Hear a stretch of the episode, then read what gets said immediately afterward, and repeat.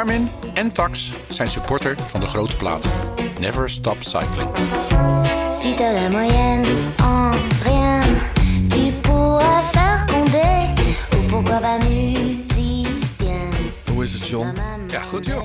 Kerstboom al in huis. Ik zag jou volgens mij op een of andere Duitse kerstmarkt rondlopen. Tenminste, ik, wa- ik was daar niet, moet ik zeggen. Maar ik, op, je, op je Insta zag ik dat. Ja, ik was er voor laat uh, verjaardagscadeautje van mijn vrienden. Dus uh, lekker in Düsseldorf aan de, aan de gluwijn gezeten en andere versnaperingen.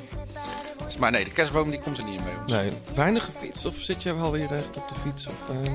Ja, wel. Ja. Het, is, het weer was er even niet naar, dus uh, hard druk gehad. Ja. Jij wel? Binnen. Binnen. Ik uh, zit veel in de studio, ben uh, aan het werk met nieuwe, nieuwe dingen. Ja. En dan probeer ik s'avonds of s ochtends juist vroeg eventjes uh, op de tax te gaan. Hey, um, jullie zijn het inmiddels van ons gewend. Net als vorig jaar presenteren wij in de wintermaanden een serie langere gesprekken. Volgende week zit hier Fabio Jacobsen. Um, vorige week natuurlijk Nicky. Als je die nog niet geluisterd hebt, dan ga je gang. Um, vandaag geen actief renner aan tafel. Wel iemand die zich 24 uur per dag zeer actief met zijn renners bemoeit. Zijn ploeg is genomineerd voor Sportploeg van het jaar. Helemaal terecht. Um, wat mij betreft had hij ook wel genomineerd mogen worden voor coach van het jaar. Of is dat al een keer gebeurd? Volgens mij niet. Nee, hè?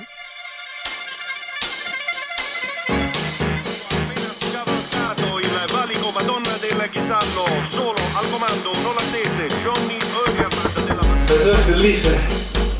De liefde voor de koers. Blijleven trok de sprint aan. Toen kwam John de Bravo eroverheen. En John de Bravo wordt de nieuwe kampioen van Nederland. Je luistert naar De Grote Plaats. Een podcast van oud-wielerprof en muziekjournalist John de Braber... en muzikant, zanger en wielerfanaat Blauwtsoen. Zij nemen samen de meest opmerkelijke gebeurtenissen in het profpeloton door... bespreken hun favoriete nieuwe muziek... en gaan op zoek naar het muzikale hart van renners... en het wielerhart van artiesten.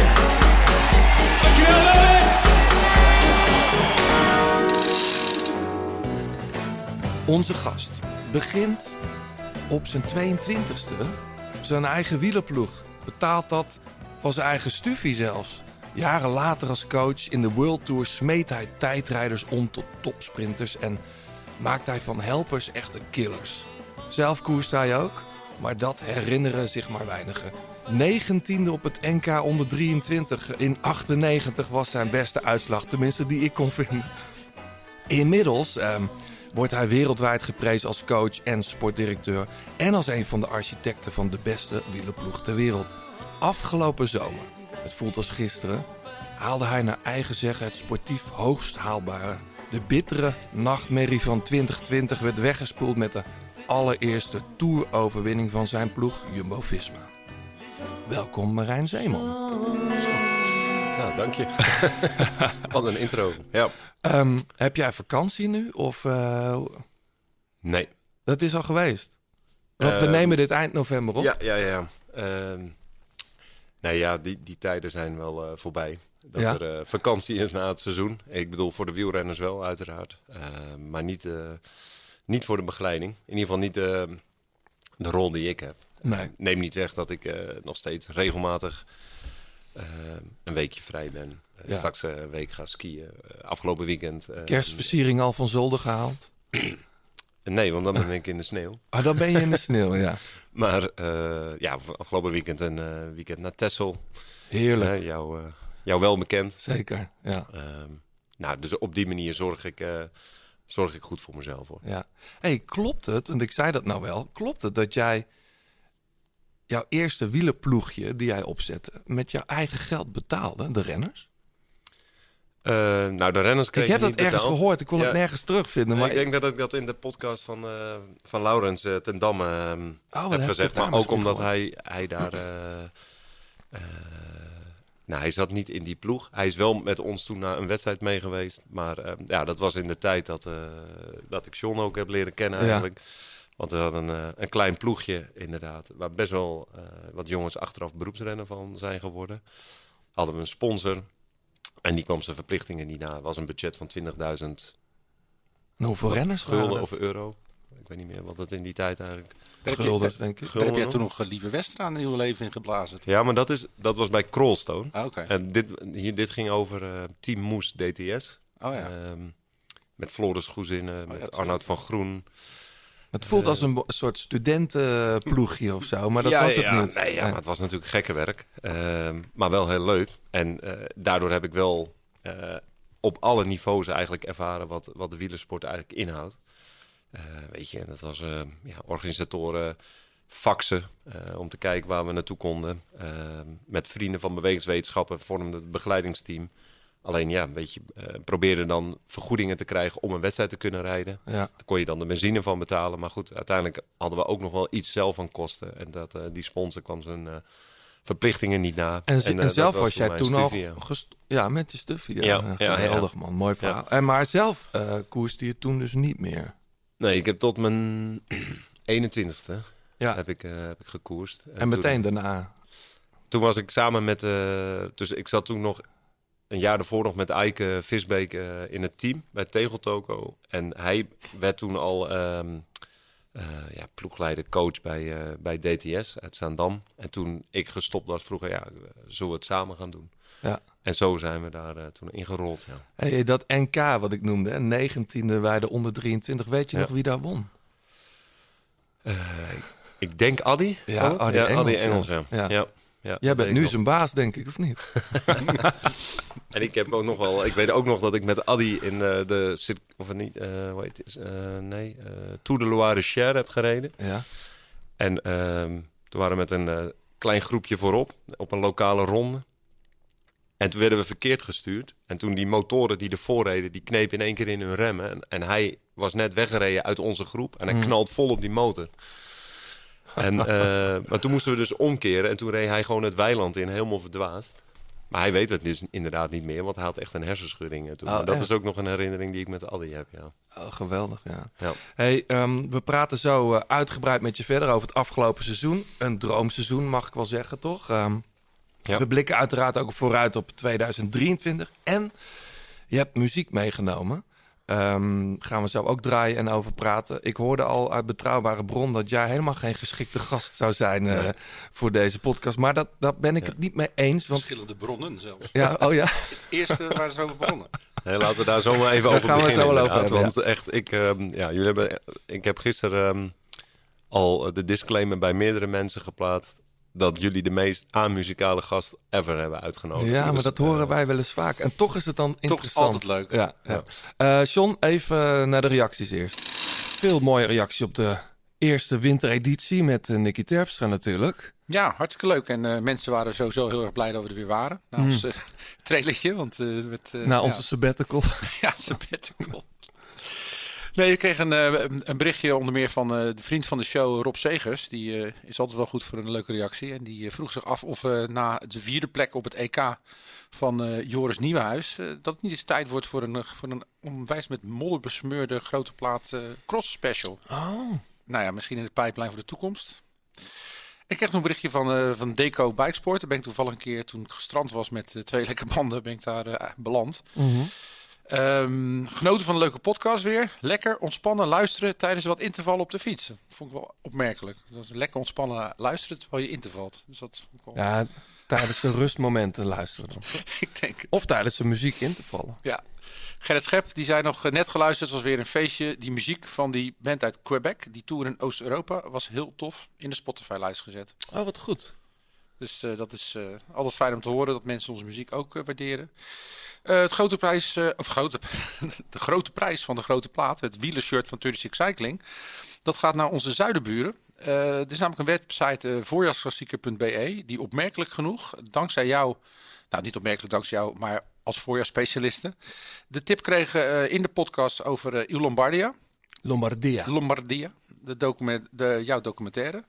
Die krijgt van een 6 van de 5 sterren. Wat een heroïek onze redactie heeft gesmuld op een prachtige rondevolle medaille. Was toen dus. Ja. Um, nou ja, dus uh, ja, superleuk dat jullie die documentaire, die ook heel erg mooi is, hebben ontdekt. Um, dus we sturen een shirt jullie kant op en dan moeten zelf de redactie maar bepalen wie dat uh, shirt krijgt. Leuk. Uh, en dat voor een voorjaarsklassieker site. Ja, daarom. Goed.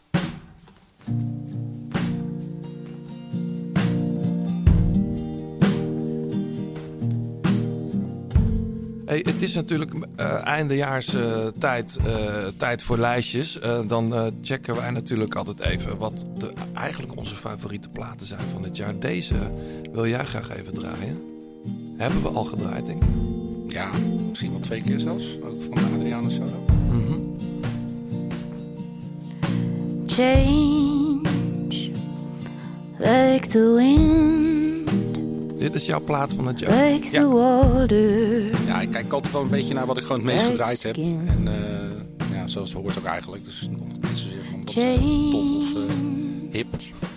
Like the Dat, sky. die heb ik wel eens bij mensen. Like the leaves, like a butterfly. Would you live forever, never die? Maar dit is eh, Big Thief. De plaat heet Dragon New Warm Mountain, I Believe in You. Ja, Vijfde album van, eh, van de band, een Amerikaanse band. Ja. Heb je ze dit jaar ook gezien? Nee. Ze waren wel op tour in Nederland. Ja. Maar eh, ja, ik ben ook echt fan van eh Adriana Lenker. Van Ja. haar stem eh, ja, doet nogal wat. Ik heb deze plaat heel veel gedraaid. Ja. ja, mooi hoor. Vind je dat Marijn? Ik vind het mooi, ja. Ik heb eh, mijn plaat van het jaar, en dat is in dit geval ook echt de plaat die ik het meest heb gedraaid, is die plaat van Sessa. Die hebben we hier ook al eens gedraaid. Even een klein stukje. Door voor, voor die tijd is een Braziliaanse songwriter. Hele vette arrangementen.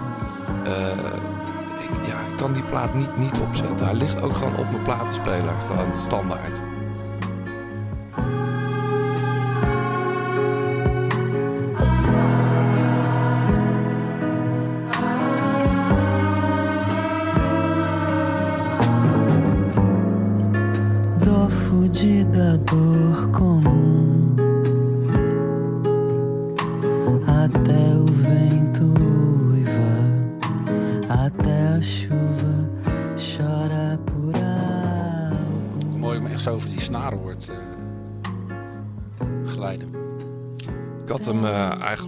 Graag op Le Guess gezien, maar was die niet uitgenodigd. Maar typisch zo'n artiest wel die daar...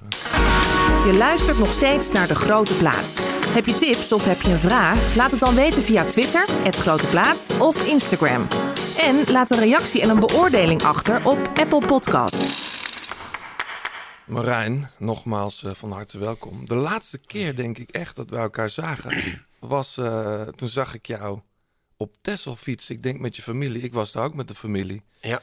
Eh, dat was een winter, dus dat is denk ik de, het eerste coronajaar. Dat het bijna voelde alsof het voorjaar was, kan ik me nog herinneren. Ja. Ehm, was gewoon op de stadsfiets, kan ik me herinneren. Zit je nog wel eens op een racefiets? Ja, zeker. Ja? ja. Ik hoor dat jij eh, af en toe nog sprintjes eh uitvecht met Erik Dekker. Dat is heel lang geleden. Oh ja? Durf je dat niet meer?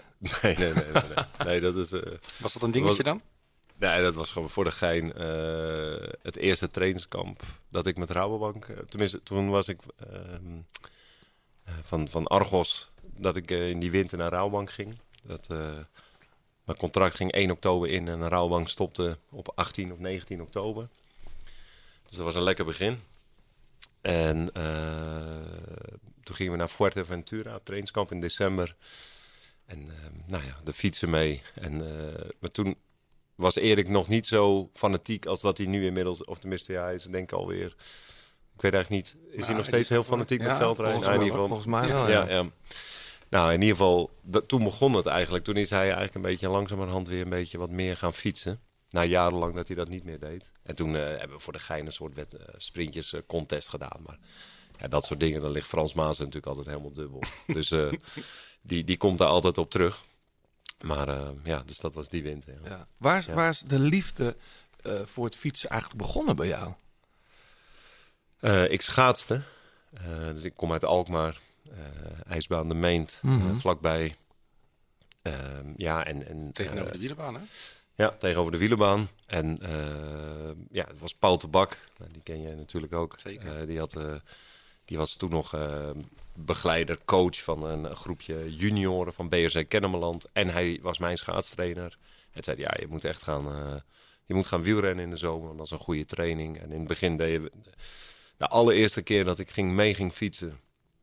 ehm, ja, uit school fietskleren aan, weg, niks gegeten.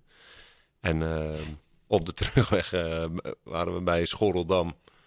Een hongerklop zoals ik die daarna nooit meer heb gehad. En ben ik naar huis geduwd. Echt, ik kon helemaal niks meer. Eh, dat was mijn, eigenlijk mijn eerste echte training op de fiets. Maar goed, ja, toch eh, lol ingekregen. En eh, lid geworden bij BSN Kennemerland. En toen ik 15 was, denk ik. Ja. Toen ben ik begonnen met fietsen. En je, en je maakt je rondjes nog wel eens, of niet? Of is er ook Ja, altijd ja. een fiets voor jou als er trainingskampen zijn? Als het kan wel, ja. Ja. ja. dus ja, goed, soms... eh, eh, ja, bijv- bijvoorbeeld op tienje op hoogtestage, dan neem ik, daar rijd ik gewoon naartoe, neem ik mijn fiets mee. Maar goed, ja, nee, als het, eh, het weer het enigszins toelaat, dan probeer ik eigenlijk altijd wel echt een paar keer in de week twee uurtjes of zo te Ja. fietsen. Ja, Ja. heerlijk. hey, ik zei het net al even, hè, en om maar meteen met de deur in huis te vallen. 2022 was echt een droomjaar voor jou en je ploeg. Ehm, ik weet niet of je dingen hebt teruggekeken of, of het nog allemaal weet, vast wel. Maar ik noem het even op, tenminste voor mij, een, een kleine greep uit al dat moois. Begon eigenlijk in Parijs-Nice met die eerste etappe. Waarbij op een eh, niet al te lastig klimmetje, maar toch eh, redelijk heftig, drie jongens van jullie wegrijden van Aad, Laporte en, eh en Roglic. Laporte wint die rit. Het was ongekend. Er werden ook heel, werden een hoop grappen over gemaakt waarbij het woord gewies viel. Maar dat, dat slaat natuurlijk helemaal nergens op. Maar het was toch lang geleden dat we zoiets eh imposants hadden gezien van, een, van, van drie jongens uit dezelfde ploeg.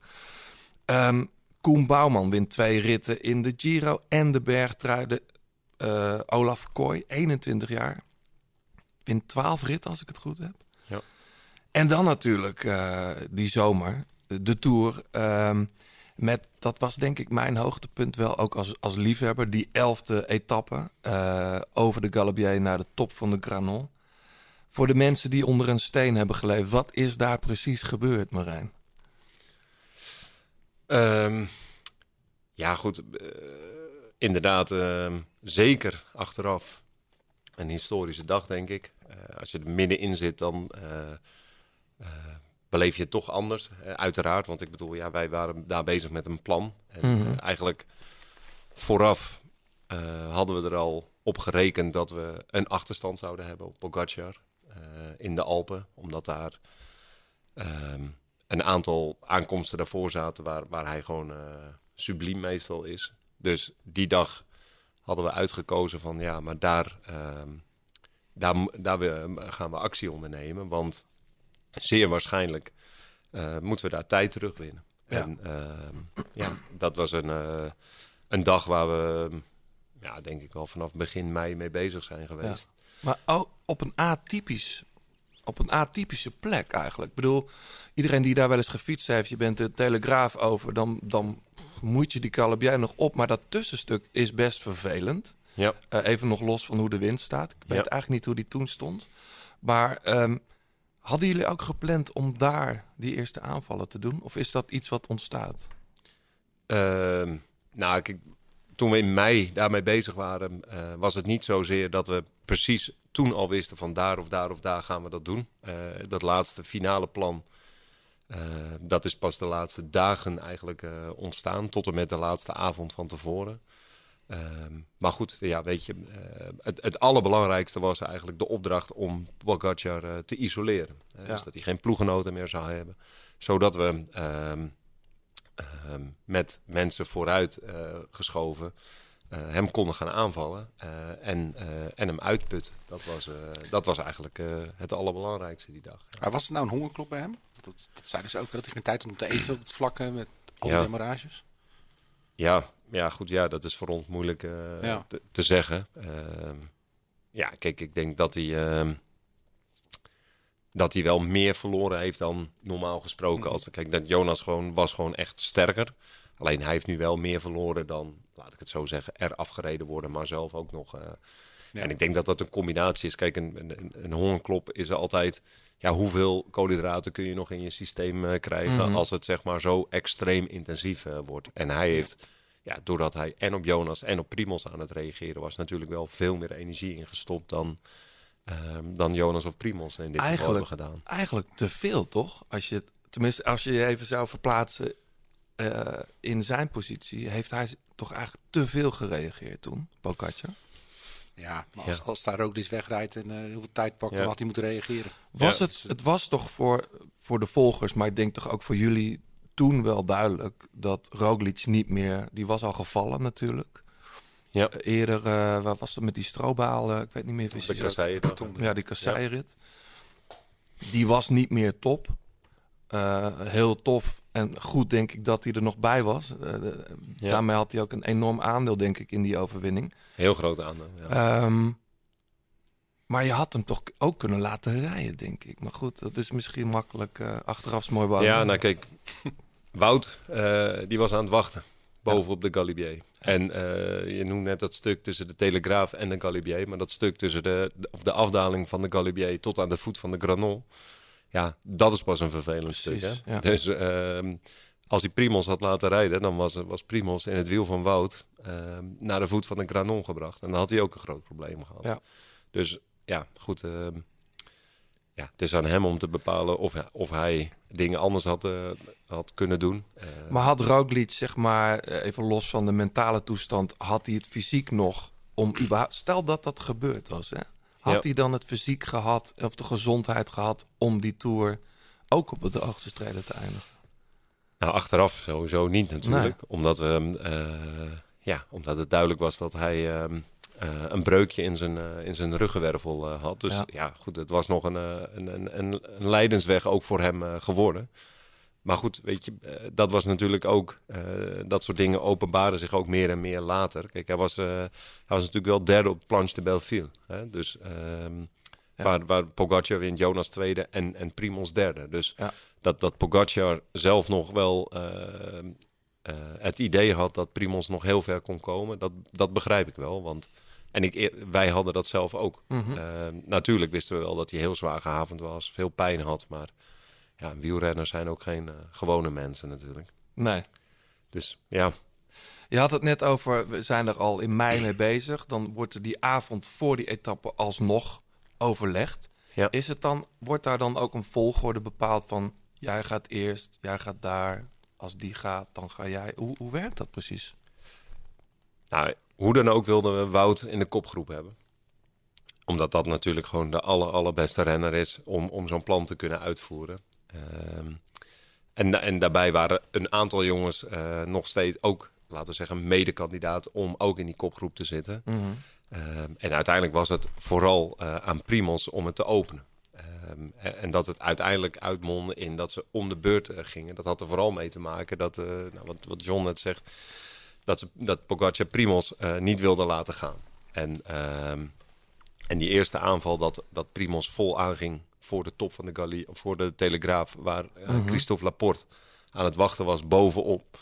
Ja, dat was eigenlijk echt het start zijn van, ehm, van het hele festijn, zullen we maar Ja. zeggen. Dit is, dit is eigenlijk, als je die video of die beelden terugkijkt... dit is gewoon echt het tekstboek... hoe je met een ploeg eh, een wedstrijd naar je hand zet, toch? Nou, in dit geval... Dit is ehm, andere tijden ja. sportmateriaal, laat ik het zo zeggen. Over twintig jaar Ja. zit jij eh, met wat iets grijzer haar. Ja, zit ja, jij- ja nou ja, het is, kijk, ik, ik, weet je, het is eh, voor ons en voor de liefhebbers is dat natuurlijk heel leuk en heel mooi ehm, eh, om te kijken. Eh, en misschien doet het wel een beetje denken aan eh, een willekeurig eh, criterium waar je met je clubploeg rijdt en om de beurt aan het aanvallen bent en iedereen eh, aan het reageren. Dus kijk, ja, zo, denk dat wielrenners wel weten van, oh ja, dit, dit is inderdaad teamspel. Alleen bij de prof zie je het niet meer zo vaak omdat het ook heel veel risico's met zich meebrengt. echt racen. Ja, en, en de- bij de profs is er vaak veel meer controle. eh, en eh, ja, berekenend wielrennen eigenlijk. Ja. Omdat, omdat het ook heel veel energie kost eh, op het moment dat je dit zo doet. Dus kijk, voor mij is eigenlijk die dag het allermooiste was omdat, omdat we inderdaad al heel lang mee bezig zijn. En eigenlijk, dat, ik denk dat we door de hele tour waar we in geslaagd zijn met elkaar, is dat iedereen enorm geïnspireerd is geraakt door wat wilden we met elkaar bereiken.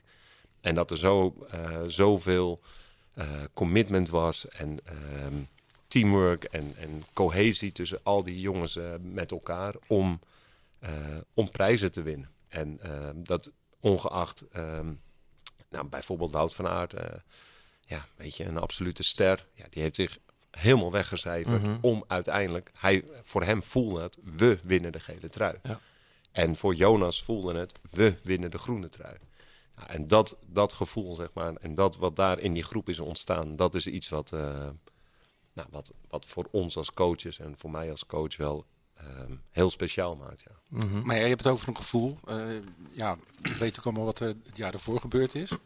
Hoe, hoe ga je dan zo'n... Dan heb je die gele trui. Hoe, hoe- dat moet toch leven? Want als het nou, als het nou niet weer misgaat. Ja, eh, en dat. ehm, eh, kijk, we hebben toen in 2020 de gele trui verloren. Toen in 2021 Parijs-Nice verloren we weer de gele trui, maar dan die van Parijs-Nice, de Mhm. laatste dag. Dus door schade en schande zijn we zo wijs geworden dat, ehm, ja, dat, dat je gedwongen wordt alleen maar naar de dag van morgen te kijken. Dus eigenlijk ehm, de euforie bijvoorbeeld na de rit, naar de Granon, die is er bij ons nooit geweest. Er is, er is geen euforie geweest, geen één dag. Wel blijdschap. En, Behalve in eh, Parijs. ja, na de tijd dit. En, en eigenlijk hebben we denk ik onze zenuwen en onze focus, of onze zenuwen in bedwang gehouden, onze focus gehouden tot en met vrijdag. Toen Christophe Laporte nog eh, de rit won. Ehm, zaterdag de tijdrit waren we, zaten we er ook heel goed in. Alleen toen merkte ik bij mezelf, maar dat zag ik ook bij Mathieu en ook bij Grisha, heel veel spanning. Want dan in één keer, toen kwam eigenlijk vooral terug van wat er in 2020 is eh, gebeurd. Maar als, als, als ik dan even jouw verhaal zo hoor, dan lijkt het bijna alsof jullie in 2020 al jezelf rijk rekenen van hij is in de tas. Nee, nee, nee, want dat was niet zo. Ehm, alleen, ehm, ik had er wel heel veel vertrouwen in dat Primos niet meer dan een minuut zou verliezen op Pogacar. Alleen, we hebben het zeker niet gevierd. Of eh, ik denk dat iedereen gewoon heel goed gefocust was tot en met die dag. Alleen, het ging wel mis. Ehm, en dat maakt gewoon dat, ehm, ja, dat ook al nu, toen hadden we een minuut voorsprong, nu bijna drie minuten voorsprong of meer, ik weet, ik weet niet eens meer hoeveel, maar in ieder geval een hele ruime marge. Het kon eigenlijk niet meer misgaan, maar niemand van ons heeft die gedachte eigenlijk toegelaten. Hm. En eh, naarmate de dag vorderde, zeg maar, eh, ja, toen, toen greep de spanning wel eh, om ons heen, zeg maar. Maar het heeft Ja. voor, voor Vingerkaart heeft het dus eigenlijk... Ik bedoel, als jullie toen misschien de Tour hadden gewonnen... hadden jullie misschien dit jaar veel minder fanatiek naar die Tour toegeleefd... en niet dat plannetje gesmeed om Pogacar te kloppen. Nou, ik denk dat wat het verschil was, zou zijn geweest, was dat ehm, ehm, we gewoon eigenlijk ervan overtuigd waren dat we door gecontroleerde te fietsen eigenlijk, eh, dat we Pogacar ook konden verslaan. Ik denk dat, dat wij na aanloop naar, naar deze Tour de France eh, ervan doordrongen waren eh, dat we het echt over een andere boeg moesten gooien. En niet, ehm, nou ja, eigenlijk gewoon gecontroleerd een voorsprong pakken. Ehm, en dan met een minuut voorsprong de laatste tijd het ingaan. En daar het vertrouwen in hebben. Oh, maar dan winnen we hem ook wel. Dat is... ehm, in alles was onze strategie erop op, eh, gericht. Voor die laatste tijd moeten we een hele grote voorsprong hebben. Hm. Ja. Wat, wat dat betreft is het natuurlijk, wordt het natuurlijk een heel interessant jaar. Want je hebt het hoogst haalbare bereikt. Op dat niveau blijven lijkt me misschien wel ingewikkelder nog dan er na, langzaam naartoe kruipend. Of, Ja, nee, zeker. Ehm, maar ik denk dat, ik denk dat het, het verhaal van Jumbo-Visma is eigenlijk... eh, en dat vertellen we de laatste week ook eh, intern veel. En dat hebben we niet alleen de laatste weken, want dat doen we eigenlijk de laatste jaren heel veel. We vertellen intern, maar ook naar buiten toe, het verhaal van deze ploeg. En ik denk dat ehm, dat is anders dan heel veel andere teams binnen het wielrennen, buiten het wielrennen. Want wij zijn van de slechtste ploeg de beste ploeg Ja. geworden. ja, want In om even World terug te gaan. Jij bent in 2012 denk ik bijgekomen. Eind 2012. Ja. Nog gecontracteerd door, eh, door Knebel, de, de, de Ja. baas van Rabobank. Die Ja. een paar maanden later, of misschien wel weken later, zei... Wij, wij stoppen ermee. Ja, dat zei, hij zei dat niet, maar eh, dat zei de top van de Rabobank, Ja. zei dat. Ja. Ja. iedereen kent denk ik wel, zeker onze luisteraars, een klein beetje dat verhaal. Dat werd toen Blanco. Een jaar later is Belkin erbij ingesprongen. Dat heeft in ieder geval de ploeg wel heel eventjes overeind geholpen. Was trouwens ook een hele mooie tour toen, de, de, de tour van Bouw en Lau. Ehm, later werd dat Lotto NL Jumbo. Denk ik meteen na Belkin. Of- Ja. Eh, ja, Ja, in 2015. Ja. Ja. En in 2015 is een beetje dat, dat nieuwe idee, zo lijkt het in ieder geval te, eh, te zijn ontstaan. Dat je met een klassementstraan ging en met een... 2016. Dat was 16. Ja. ja dus één, één jaar later. Dat is ook het jaar, denk ik, dat, dat eh, Dylan... Won Dylan kwam. toen? Dylan kwam. Dylan in toen? 2017. Ehm, kijk, in 2015 was het allerslechtste jaar ever. Ja. Zes overwinningen. Ehm, ook wel een aantal goede dingen. Bijvoorbeeld, Steven was toen heel goed in de Giro. Robert werd zesde in, eh, Robert Gezing werd zesde in de Tour. Alleen als ploeg eh, was het eh, malaise. Ja. Ehm, zes overwinningen over een heel jaar. Volgens mij waren we laatste of één na laatste van de, van de World Tour. En, en nog meer dan dat eigenlijk, buiten het sportieve, was gewoon als organisatie was er gewoon heel veel negativiteit. Ehm, en in alles was het geen, geen fijne plek om, eh, om te werken of om bij te horen. Waren dat vooral veel vastgesleten patronen bijvoorbeeld? Dingen die altijd al zo gingen dus. Ja, nou kijk, uiteindelijk heeft altijd alles zijn, zijn verhaal en eh, geen toekomst zonder geschiedenis. Ehm, en ik denk dat, eh, kijk, deze, deze ploeg komt natuurlijk voort uit het Rabobank ehm, eh. Ja, weet je, en dat, dat was natuurlijk een ploeg die, nou, hoe lang hebben die bestaan? 20 jaar, Mhm. Ehm, nog meer. En natuurlijk eh, zijn daar gewoon, ehm, ja, daar was eigenlijk heel gek voor, voor een wielerteam, denk ik. Een van de belangrijkste dingen was dat daar was nooit zorg over, bestaat deze ploeg nog wel over twee of drie of vier jaar? Eigenlijk iedereen die bij Rouwbank werkte, heeft daar nooit één seconde over nagedacht. De bank ging altijd door, was altijd genoeg geld. Eh, Het was nooit een probleem om eh, een salarisverhoging te krijgen. Maar er, er gingen ook nooit renners weg. Er gingen geen renners weg. Het was natuurlijk een Dat is ook heel- wel een beetje een teken dat het nooit knettert. Weet je? Dat iedereen maar altijd maar blijft. Ja, en, en ik denk dat het was natuurlijk heel Nederlands. Hè? Dus eigenlijk was wat ook heel erg ontstond, was natuurlijk als je een goede Nederlandse re- wielrenner bent, dan kun je altijd naar Rouwbank en dan krijg je ook altijd de hoofdprijs. Dus eh, ja, zo, zo is dat gewoon ontstaan. Kijk, en de andere kant is ook, eh, zeker eh, zie ik dat ook nu, is dat ze hebben ontzettend veel voor het Nederlandse wielrennen betekend. Alleen gewoon overal ontstaan culturen. En dat is toen ook ontstaan. En in één keer ging die zekerheid weg. En ik denk dat dat in combinatie was dat de zekerheid wegviel voor de staf, voor de renners. dat daar iets, dat er onrust ontstond. Nou, dat, dat werkt nooit goed om goed met elkaar samen te werken. Dat gecombineerd gewoon simpelweg met, en ik zelf eh, ben daar eh, ook volledig eh, verantwoordelijk voor, dat, dat er gewoon ook met elkaar niet de goede dingen hebben gedaan.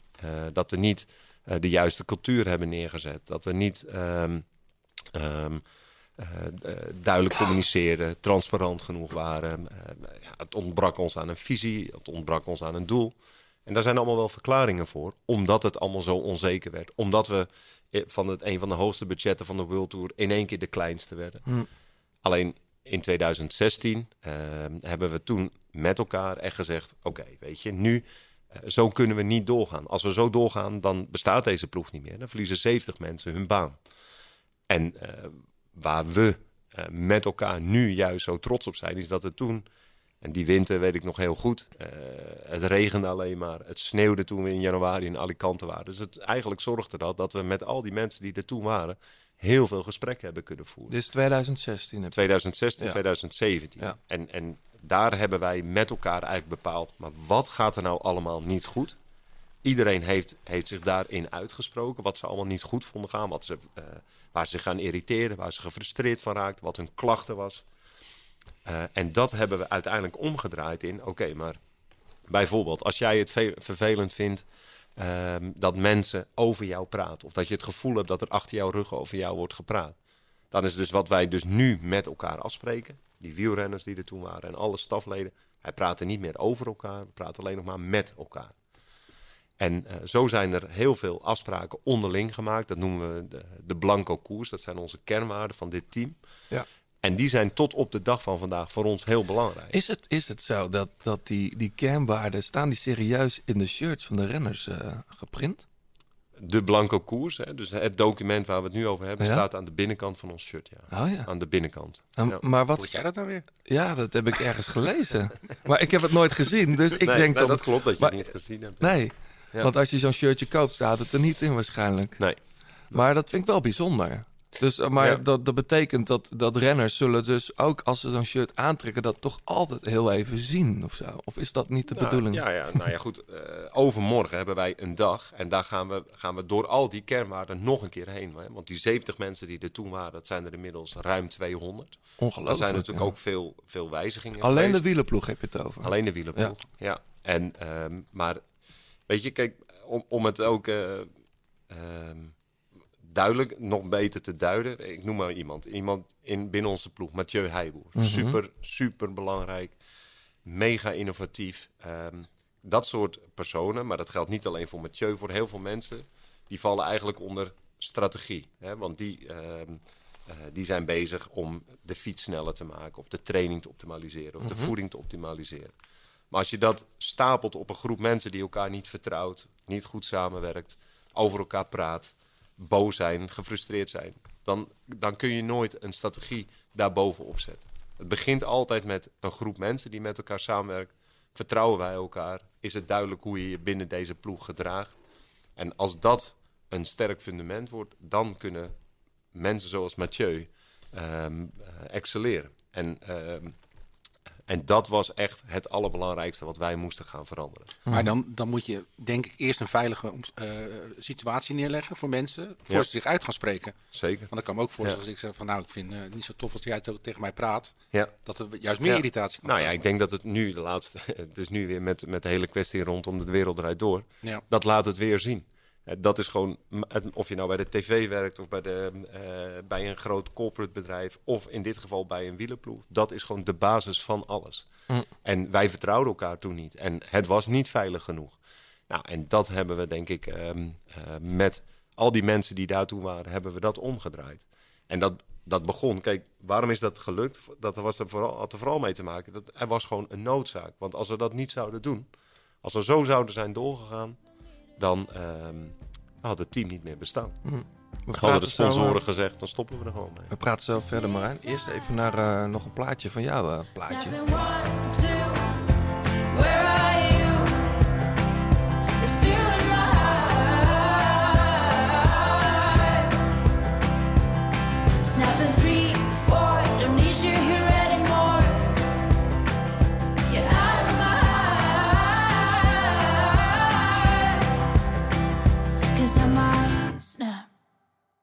I'm writing a song. So this is the En John, dit heb jij meegenomen, Ro Rosalind. Ja. Beetje slik, eh, slikke bedoeling wel, eh, Snap heet het. Ja, het is heel. Nou ja, het is eh, zeker slik. want Ik ken het heeft, helemaal eh, niet, maar- Nou ja, het heeft meegedaan aan het Eurovisie Songfestival. En dan werd het kansloos twintigste. Een Armeense meid. En het is daarna een Joeko van een hit geworden. Ja, want dit klinkt heel Amerikaans Ja, eigenlijk. eh. maar het is een Armeens meisje. En ja, omdat wij een beetje het idee hadden van wat hebben we dit jaar gemist. Zoals ik ooit ook een keer vrouwtje helemaal over het hoofd had gezien.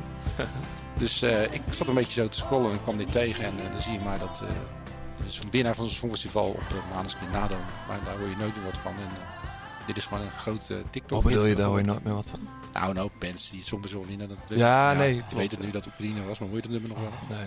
Dus ik vond het grappig, leuk liedje. Dus, eh, Nou ja, hij staat, staat voor in de lijst. Voordat we verder gaan, eerst even naar een, een bericht van een van onze sponsoren. Garmin, ehm, de Edge 1040. ehm, ja, de bekende fietscomputer eh, navigatiesysteem. topmodel. Topmodel, de Edge 1040 Solar. Ehm, Ja, je hebt namelijk een normale, eh, de 1040. En je hebt ook de Solar. En die, eh, die werkt dus ook op zonne-energie. Die laat bij, terwijl je aan Mhm. het fietsen bent. Dus dat kan je net even een uurtje meer geven. Ja, en eh, begrijp ik, je kunt er ook slimmer mee trainen. Want mensen hoeven, gebruiken hem niet alleen om de weg te vinden of te navigeren of te zien hoe hard je rijdt.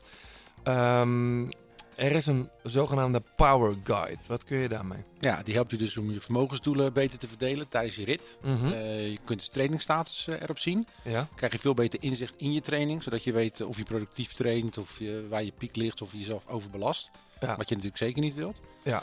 En eh, er zijn dagelijks aanbevolen workouts. Waar je trainingsbegeleiding krijgt. Waarbij rekening wordt gehouden met jouw niveau. En eh, gebaseerd op je VO2 max. Dus een heel technisch verhaal. Maar als je dat dus weet, dan, eh, dan kun je dat Ja. mooi En instellen. je kunt het koppelen ook aan de externe apps als Training Peaks en dat soort dingen. Ja, Strava, hij synchroniseert met alles. Dus eh, Moet je wel natuurlijk ook een hartslagmeter hebben. Gebruik jij die eigenlijk? soms. Ja. Bij, bij, bij jullie ploeg zie ik ze altijd. Toch, eh, Marijn? Eh, Nou, zeker. Shirtjes open in de bergen zie ik altijd. Ja, dat- Ja, en Zonder kan haast sommige, niet meer. Sommige renners, ja. Maar er zijn er ook die vinden het vervelend. Hè. Die, het klemt natuurlijk eh, ergens. Dus met een volle inspanning zeg je, ja, ja, liever niet.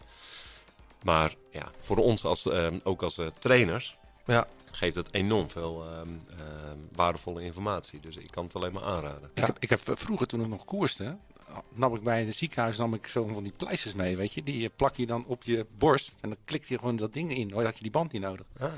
Oh, Ja. wat slim. Ja. Ja. Nou, die, die Garmin... En ik weet eh, ook nog Peter Schep, jij noemde hem net even. In ieder geval ook nog een verhaal van de overlevering. Die, die reed toen nog bij Rabobank eh Belofte, ja. Continental Team. En die kwam na de zomer kwam hij terug. Helemaal gebruind bovenlichaam, maar met een witte band. hier. Geweldig. Toen wisten ze dat hij... met een trainer die zonder shirt, ja. Oh joh. Nou is het zo, en dat is natuurlijk mooi nieuws. Ehm, als jij ehm, geïnteresseerd bent in zo'n Edge 1040 Solar, dan kun je eh, op garmin.com, eh, moet je even naar de Nederlandse tak gaan, kun jij ehm, met de promocode Grote Plaats Solar, en dat moet je dus aan elkaar schrijven met kleine letters, Grote Plaats Solar, ehm, krijg je bij aankoop een, eh, een gratis hartslagmeter van Garmin ter waarde van 69,99 euro.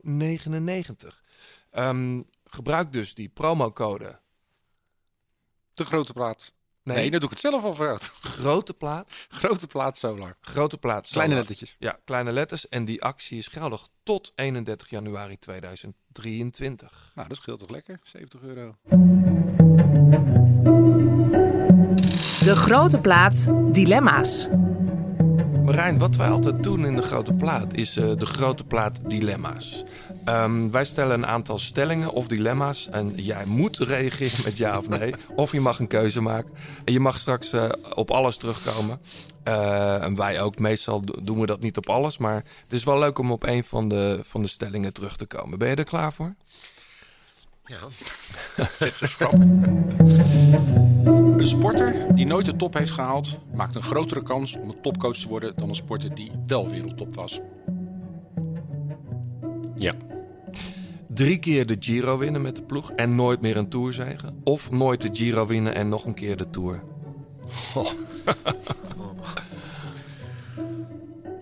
Nog een keer de Tour. Oké. Tadej Pogacar of Remco Evenepoel. Tadej Pogacar. Als ik op 18 september tw- 2020 niet uit de Tour was gezet, had Roglic een dag later de Tour gewonnen. Nee. Steven Kruiswijk wint ooit een grote ronde.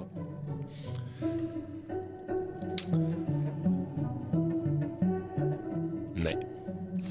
Mijn carrière als coach is eigenlijk pas echt geslaagd als ik met een Nederlander de Tour de France win. Nee. Jumbo-Visma verdient de titel Sportploeg van het jaar. Ja. Ik mis in het dagelijkse werken het trainen van Dylan Groenewegen wel eens. Ja. Jonas Vinkerkaart is het grootste talent waar ik mee gewerkt heb. Ja. Het niet slagen van Tom Dumoulin bij Jumbo-Visma zie ik mede als een falen van mij en de ploeg. Ja. Wout van Aert wint nooit een grote ronde. Nee. Wil je nog ergens op terugkomen? Ja. Te Nou, beginnen met. Nou, om te beginnen met. eh, je vroeg over. Wint, Steven wint nooit meer een grote ronde. Ehm, in ieder geval niet bij Jumbo Visma, denk ik. Eh, Want ik. ehm, omdat hij nu bij ons een hele belangrijke rol heeft in de ondersteuning van Jonas en Primos. En ehm, ja, dus, dus dat is de reden waarom ik Mhm. dat heb. Dat, ik dat, eh, dat ik dat heb gezegd. Ja, ja. John, wil jij nog ergens op terugkomen?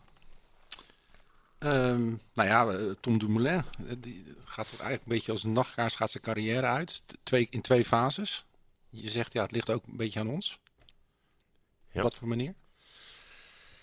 Nou ja, omdat ehm, wij zeggen altijd samen winnen. En bij samen winnen hoort ook samen verliezen.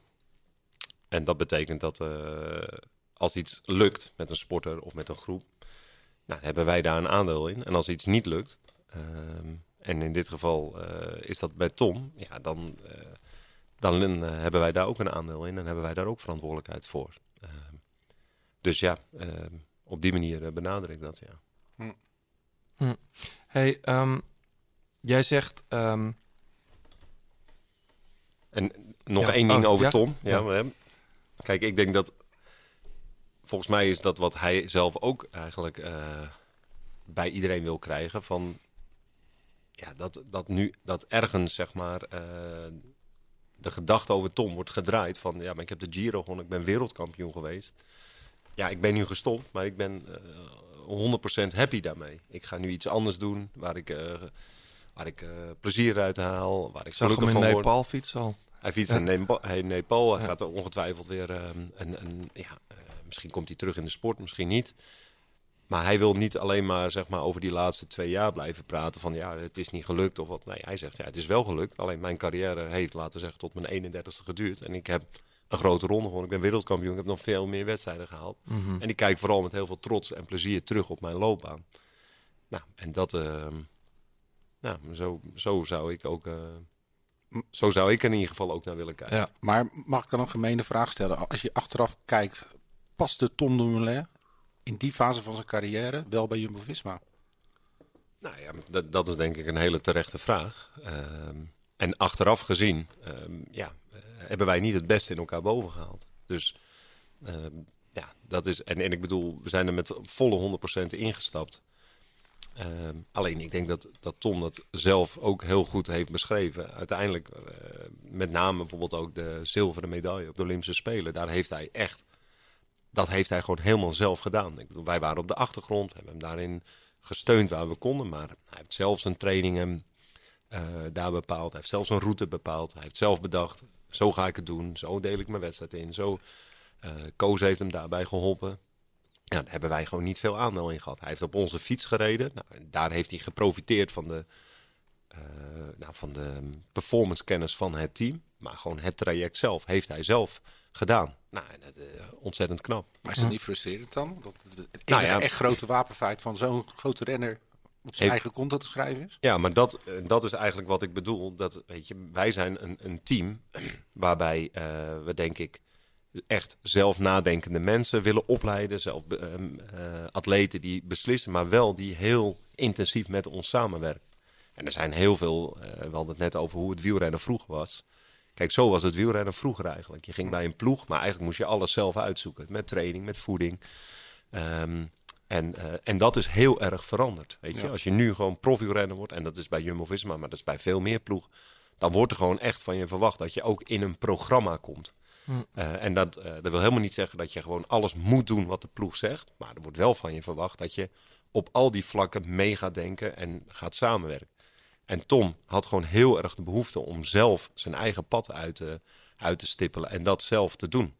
Nou, en, als, en, en daar is hij ook achter gekomen. Hè. Dat was niet zo dat hij dat in 2019 zei van ja, zo wil ik het. Want Mhm. toen was juist heel erg van nee, maar ik, ik wil profiteren van alle kennis die er bij deze ploeg zit.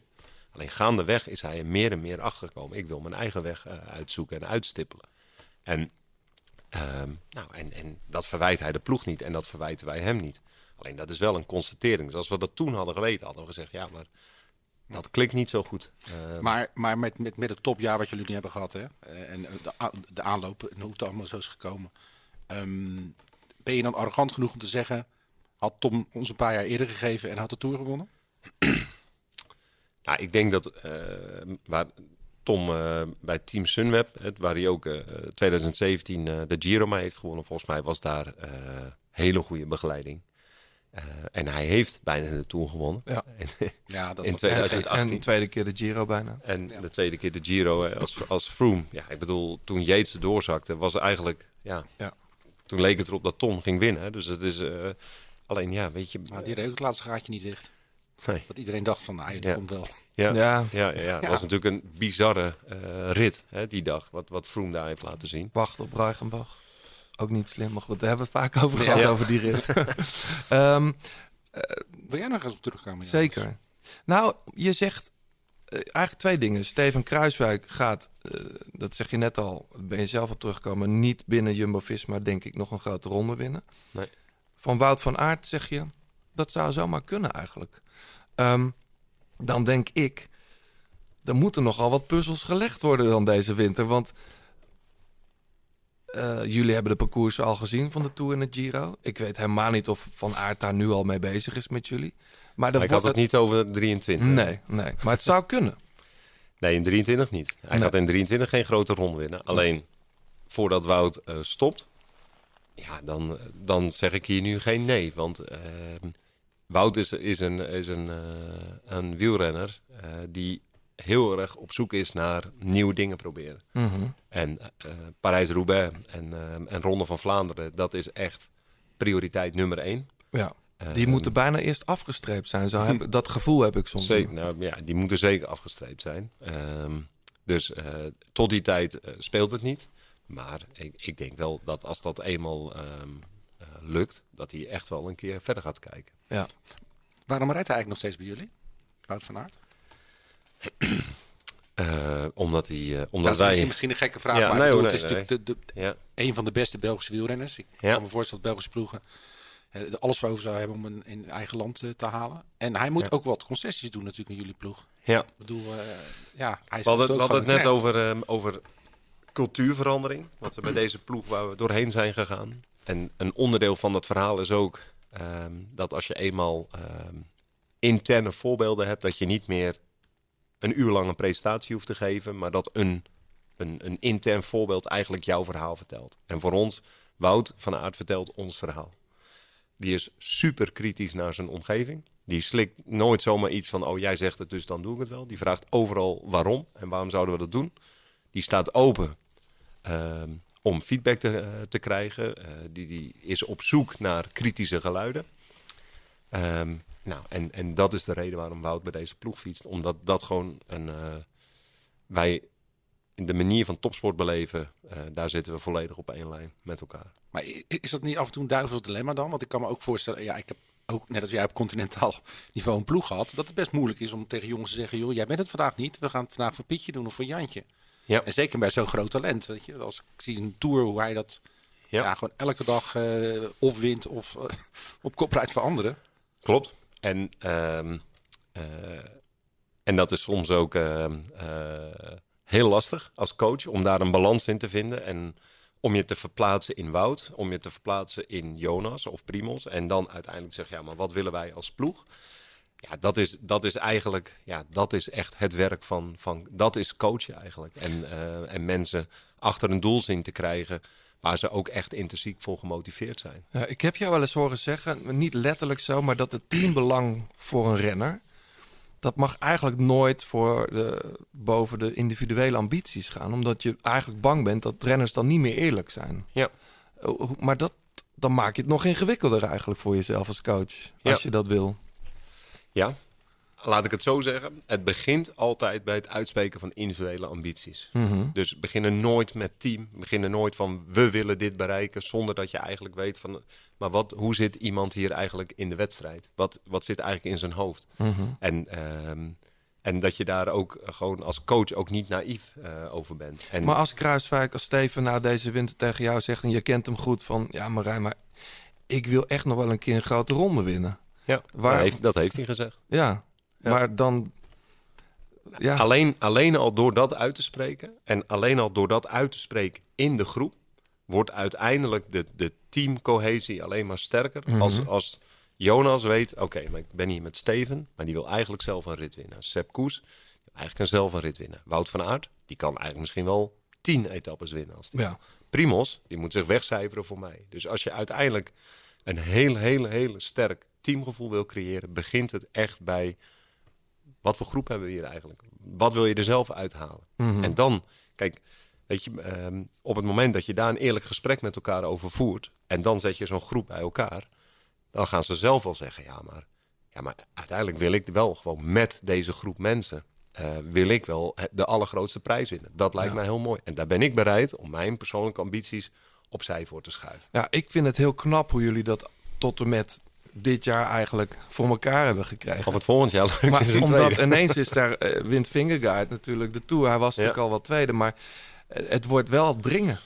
Ja, maar ook daarvoor, ja, maar dat ook daarvoor geldt. Kijk, als je eenmaal in zo'n proces zit en, en elke keer kom je weer terug bij, oké, je spreekt je eh, persoonlijke ambities uit, maar uiteindelijk is niemand groter dan de ploeg. We gaan wel eh, van elkaar bevragen, maar wat, hoe zit jij jezelf? Wat wil je zelf bereiken? Wat wil je ooit nog bereiken in je carrière?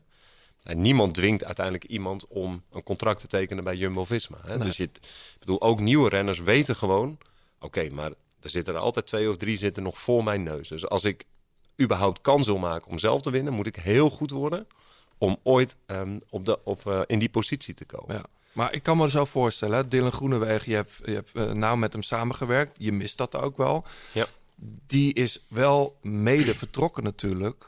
Omdat hij weet, ja, in de Tour word ik niet standaard meer opgesteld. En daar hebben we dus een eerlijk gesprek over met Mhm. elkaar over gevoerd. Met Mike Teunis hebben we daar hebben we een eerlijk gesprek over gevoerd. Ja. En, en dat moment kan altijd komen. Ja. Dus dat kan altijd dat een sporter zegt: ja, maar weet je, die, die innerlijke drive die is zo groot. En ik zie dat het binnen deze ploeg heel moeilijk wordt. Dan maak ik een andere keuze. Ja. En ik denk dat dat is precies de volwassen eh, gesprekken die we met elkaar moeten voeren. En, en daar ben ik altijd zonneklaar in. Ik beloof niemand iets. Ehm, het is uiteindelijk zo dat, ehm, nou ja, dat, dat ehm, kijk, weet je, Jonas die is vanaf 2020 was hij de allerlaatste renner die geselecteerd werd voor de Vuelta. Hij had helemaal geen goed seizoen. Gedurende was geweest ook, geloof ik, toen, of zo. hij was in, in corona heel goed en daarna eh, een beetje ziek. En, Ja. eh, nou, het liep allemaal niet. Uh, reed Luik, Bastenaken, Luik. Nou, was echt niet goed. Maar goed, de Giro overlapte met eh, de Vuelta. En we hadden net de Tour gehad. Dus eigenlijk ehm, ja, was het al pas en meten om überhaupt acht Vuelta-renners te selecteren. Jonas is de allerlaatste die daar in die Vuelta-selectie is gekomen. De eerste dagen, de vlakke ritten, moest hij op kop rijden op het vlakke samen met Lennart Hofstede. Ja. Want Primos was daar de kopman. En ja, hij werd beter en beter en beter. Dus wij zaten wel een beetje met grote oog te kijken van zo, wat gebeurt hier nou dan? En ehm, die rit naar de Angliru, misschien kunnen jullie die nog herinneren. Zeker. Daar ging hij te hard voor Primos. En Ja. toen, daar hebben we gezien van zo. Maar hij is wel heel erg goed. En ehm, toen is hij, heeft hij zichzelf in de selectie gereden van de Tour van 2021. Als ondersteuner, als helper. We hadden Mhm. helemaal geen enkele klassementsambities met hem. Hij heeft zijn kans gepakt. In 2022 wint hij de Tour. En dat is voor mij wel topsport, weet je. Ehm, je creëert een groep, maar die bestaan allemaal uit individuen met individuele ambities. Maar uiteindelijk ben je zelf verantwoordelijk op welke positie je terechtkomt. Ja. Je Maar- wordt nooit op de bank gezet als je eigenlijk wel goed genoeg Maar neem nou eh, Olaf Kooi. Dat is toch, ja, dat zou je met, met recht toch al een fenomeen kunnen noemen. Dat is gewoon een wereldtopsprinter. Nou, Ja. in de dop is het niet meer. Hij is er al uit. Ja. Ehm, ik zou hem heel graag eh, volgend jaar in de Tour willen zien. Ja. Persoonlijk, als liefhebber. Ja. Ehm, Ja. Ik vrees dat dat niet gaat gebeuren. En eh, hij is nou precies ook zo'n renner waar, ehm, eh, waar hele lastige keuzes omheen zitten. Eh, en dat klopt. Hij, hij, ehm, eh, een tourplek is heel lastig. Zeker ook als je gewoon voor, echt voor de gele trui rijdt. Dan, ja, dan is het heel lastig om een sprinter mee te nemen die ook ehm, hulp nodig heeft. Dus ja, bij Olaf hebben we een dilemma. Ja. Alleen het verhaal, kijk, met Olaf heb ik hier hele eerlijke, goede gesprekken over. Ja. Ik beloof hem geen, geen gouden bergen. Maar ik probeer hem ook voor te spiegelen van... maar er zijn altijd topsportwetten. En topsportwetten die treden altijd in werking op het moment dat jij laat zien... dat je beter bent dan een ander. Ja, maar in dit geval heeft het niet alleen met beter te maken, maar ook met de ambities van de ploeg. Want je gaat niet voor etappenzegers, je gaat in principe voor die gele trui. Nee, dat klopt. Maar goed, Ja. Olaf is net 21 Ja. geworden. Het is een broekie. Ja, en eh, een paar jaar geleden eh, zou je worden afgemaakt... als je als ploeg een 20-jarige of een 21-jarige... naar een grote ronde mee zou nemen. Zei ze, ja, maar dat, daar brand je een rennen mee af. En nu ehm, is dat, verandert de wielersport heel erg. Dus ze gaan steeds jonger eigenlijk. En zijn ze ook steeds jonger zo goed. Ehm, maar goed, Olaf heeft natuurlijk nog een enorme carrière voor zich. En volgens mij moeten we ook geen stappen overslaan. En zijn volgende fase is op een hoger niveau wedstrijden winnen. Mhm. Nou, en daar eh, het programma wat wij voor ogen hebben met hem voorziet daar volledig in. Ja. Ja. Nou ja, eh, wel, wel spannend. En dat wordt alleen maar spannender. Want eh, ja, de, de talenten bij jullie ook, die er van onderaf aankomen, die, eh, Ja. dat is eh, Veelbelovend. veelbelovend, Ja. kan je zeggen. Ja, Ja, ja, zeker. Ik, ik kan me ook voorstellen dat het makkelijker is geworden. Weet je, in, je had net over, we waren ooit de slechtste World Tour ploeg. Ja. Eh, dat renners ook graag naar jullie ploeg komen. En Ja, ook, dat, zeker. dat scheelt, scheelt ook een dag en een nacht. Ja, ja, ja. nee, absoluut. En, en als we nu een renner op het oog hebben, ja, die is, eh, ja, die is al zeg maar qua basishouding heel blij dat wij ons überhaupt melden. Ehm, en dat maakt het zeker eh, eh, makkelijker. Eh, en, en daarmee, ehm, alleen aan de andere kant is zeg maar ehm, de vijver ook steeds kleiner. Want ehm, het niveau wat we nu zoeken, ehm, ja, dat is ook heel moeilijk te voorspellen dat een jonge renner ook zo goed wordt dat hij ook op dit niveau mee kan. Ja. Ja, want dat is natuurlijk in talentontwikkeling. eh nou, vanmorgen even op Twitter een, eh, niet een discussie, maar even een, een gesprek gehad over als je naar het Nederlands elftal van, van gisteren kijkt. Eh, Dumfries, Van Dijk, Noppert, eh, Berghuis. wie had ik nou nog meer? Nou, en, dus, maar dat zijn er al vier die niet in de topopleiding hebben gezeten van Nederland. Niet bij Ajax, PSV of Feyenoord Hmm. hebben gezeten. Of Oh ja, Vincent Jansen, die heeft nog, ook nog bij Feyenoord eh, in de, in de opleiding gezeten. Maar hoe kan het nou dat die dus, ehm, dus niet op die jonge leeftijd geïdentificeerd worden, maar via een omweg uiteindelijk wel op een WK spelen? Dus dat is natuurlijk weer de andere kant als het gaat over talentontwikkeling. Hoe herken ik nou eigenlijk die, die, die toppers die eh, op 16, 17, 18-jarige leeftijd, dat ze op seniorenleeftijd Ja. bij de allerbeste zitten? Ja. En dat, is, eh, dat blijft natuurlijk wel hele ingewikkelde materie. Zo grappig trouwens. Ik had gisteren even contact met Jos van Emden. Die maakt een vergelijking tussen... Ja, hij zegt, ja, moet niet eh, over het paard getild worden. Maar die maakte toch een vergelijking tussen jou en Van Gaal. Louis van Gaal. En de manier waarop jij communiceert en mensen kan motiveren. Even lostig van het feit dat jullie allebei een, eh, een gymnastieklerarenopleiding hebben gedaan. Eh, maar hoe kan je daar... Herken je daarin? Nou, ik, mooie woorden van Jos. ehm, maar ik, ik ga mezelf niet met Louis van Gaal Nee. vergelijken. Dat is, eh, dat is voor mij de, ja, de allerbeste coach die Nederland ooit heeft eh, gehad. Ehm, en zeker een heel inspirerend eh, voorbeeld Mhm. is. En ik, ik moet zeggen, ik lees veel over hem. Ik kijk veel. Ik, zag, ik las gisteren of eergisteren een interview met, met Frenkie de Jong. Daar heb ik nog een aantal quotes naar Mathieu en Grisha gestuurd. Want hij, hij raakt voor mij de essentie van coachen. Daar zegt hij onder andere, ja, bij Louis van Gaal is het alles is duidelijk. En eh, als iets goed is, dan benoemt hij het. Maar als iets slecht is, benoemt hij het ook. Mhm. Zonder scrupules, zonder ehm, ja, terughoudendheid. Het is goed of het is slecht. Ja. En, maar daardoor verandert, verandert onze relatie niet. En dat is voor mij de absolute kern. Dat, dat je iets op kunt bouwen met mensen waarin je dus ja, goede feedback kunt geven. Maar ook kunt zeggen, ja, dat, dat vind ik niet goed. Ja. Maar dat zij vervolgens heel goed met elkaar kunnen blijven samenwerken. Nou, als je dat, als je dat ehm, ehm, ja, met mensen in sport, buiten de sport kunt opbouwen, ja, dan dat is heel erg knap. Ja. En tegelijkertijd heel erg moeilijk. Mhm. Hey, zo gaan we muziek van jou luisteren. Eerst even naar Joost Hoetelmans.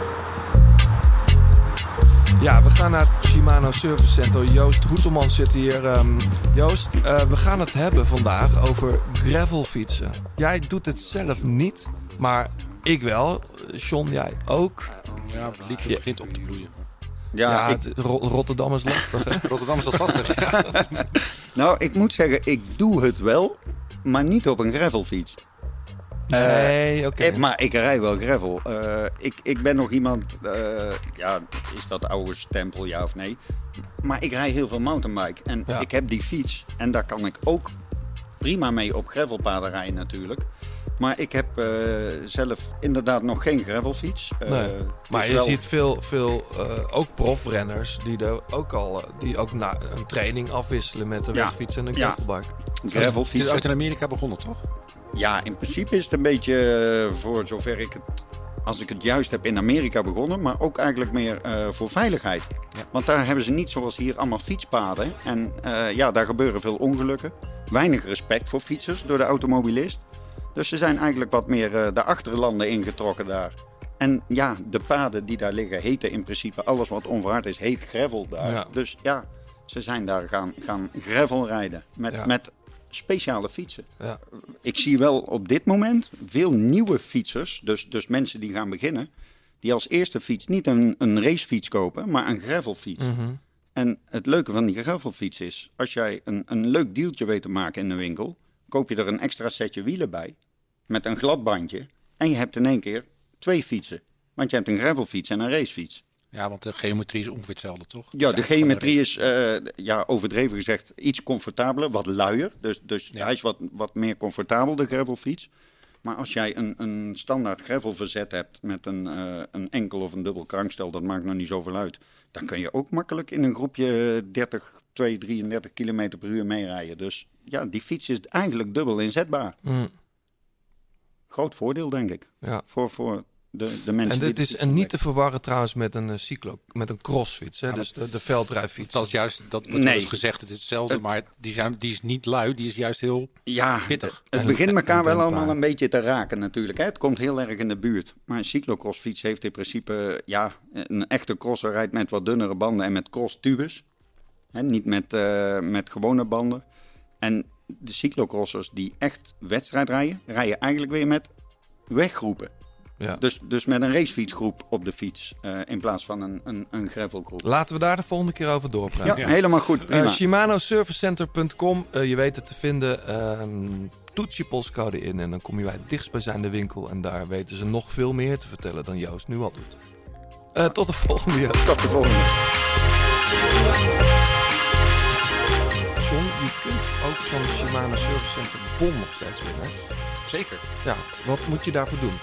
Nou, je laat ons gewoon weten via DM of eh, op Insta of Twitter waarom jij deze bon heel goed kan gebruiken. En waarin je voor gaat inzetten.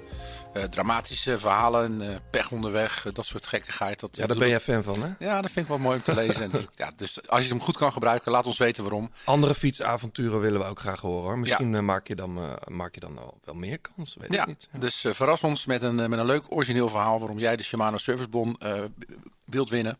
Ja. En dan, dan komt hij jouw kant op.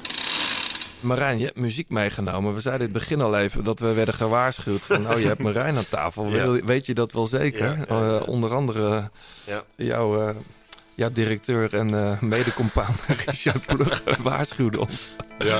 Ehm, maar je hebt dit Wordt altijd belachelijk gemaakt. Ja, nou, maar waarom? Want als ik dan hoor wat je meeneemt, dit bijvoorbeeld... everything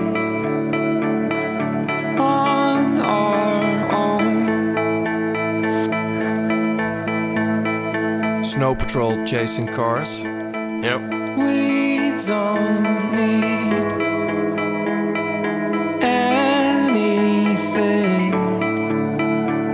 or anyone. If I lay here, if I just lay here, would you lie Wanneer, wanneer draai jij muziek?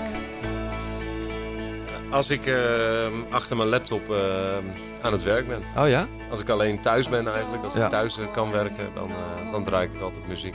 Ja. ja? In de auto ben je alleen aan het bellen? Of ik luister podcasts. Ja. Oké, ja. Ja. En als je hard loopt, want dat doe je nog wel eens? Dan ben, Dan je, ook aan, ik- dan, ben je ook aan het bellen? Dat is een hele slechte gewoonte. Dat is hetzelfde als roken, zullen we maar zeggen. Maar eh, anders, ik, ik probeer eigenlijk eh, dan meestal een podcast te Ah, luisteren. toch ja. wel, ja. Ja, ja, En wat luister je dan? Eigenlijk allemaal eh, podcasts waar ik, van, wa- van, waar ik wat van kan leren. Van andere Mhm. coaches, over psychologie, sportpsychologie, Oh leiderschap. dat soort podcasts. Ja. Ja. Hey, en hoe kom jij bij nieuwe muziek terecht? Als jij, want zet jij een, eh, een playlistje op of eh, heb je de radio nog ouderwets aanstaan? Ik moet zeggen, mijn zoon is elf en inmiddels eh, leer ik muziek kennen door dan, omdat hij zijn playlist opzet. Ehm, ja, maar eigenlijk die drie nummers die ik aan jullie heb doorgegeven Mhm. of aan John heb doorgegeven, daar zit eigenlijk een verhaal bij. En dit is eigenlijk best wel een, een, een, een treurig verhaal voor mij, want het is, eh, werd gedraaid op de ehm, eh, crematie van mijn tante. Mhm. Ehm, ehm, ja, dan word ik hem. dat had ik ook. Ehm, Is dat lang eh, geleden? nee, dat, ja, dat is lang geleden, ja. Ja. Dus dat, dat kun je nagaan dat het nog... En dat is de, de moeder van, ehm, van mijn neef. Nou, dat is ook mijn, een van mijn beste vrienden. Mhm. En die was nog heel jong eh, toen. Oké, ja. Ja, dat heeft veel, eh, veel indruk gemaakt. Maar goed, dus dit nummer heeft voor mij is, is nog steeds eh, beladen. Buiten het feit dat ik een heel mooi eh, nummer vind. Maar, eh, Ja. Dus voor, als Vind muziek het mij raakt... dat ik het nu op heb staan? Oh of ja, oh, ja, ja. dat ik het afzet? Nee, Het zeker, kan- zeker. Nee, ja. Eh, het is ook mooi om af en toe nog even... Dat herinnert me ook weer aan haar, dus dat is ook Ja. mooi.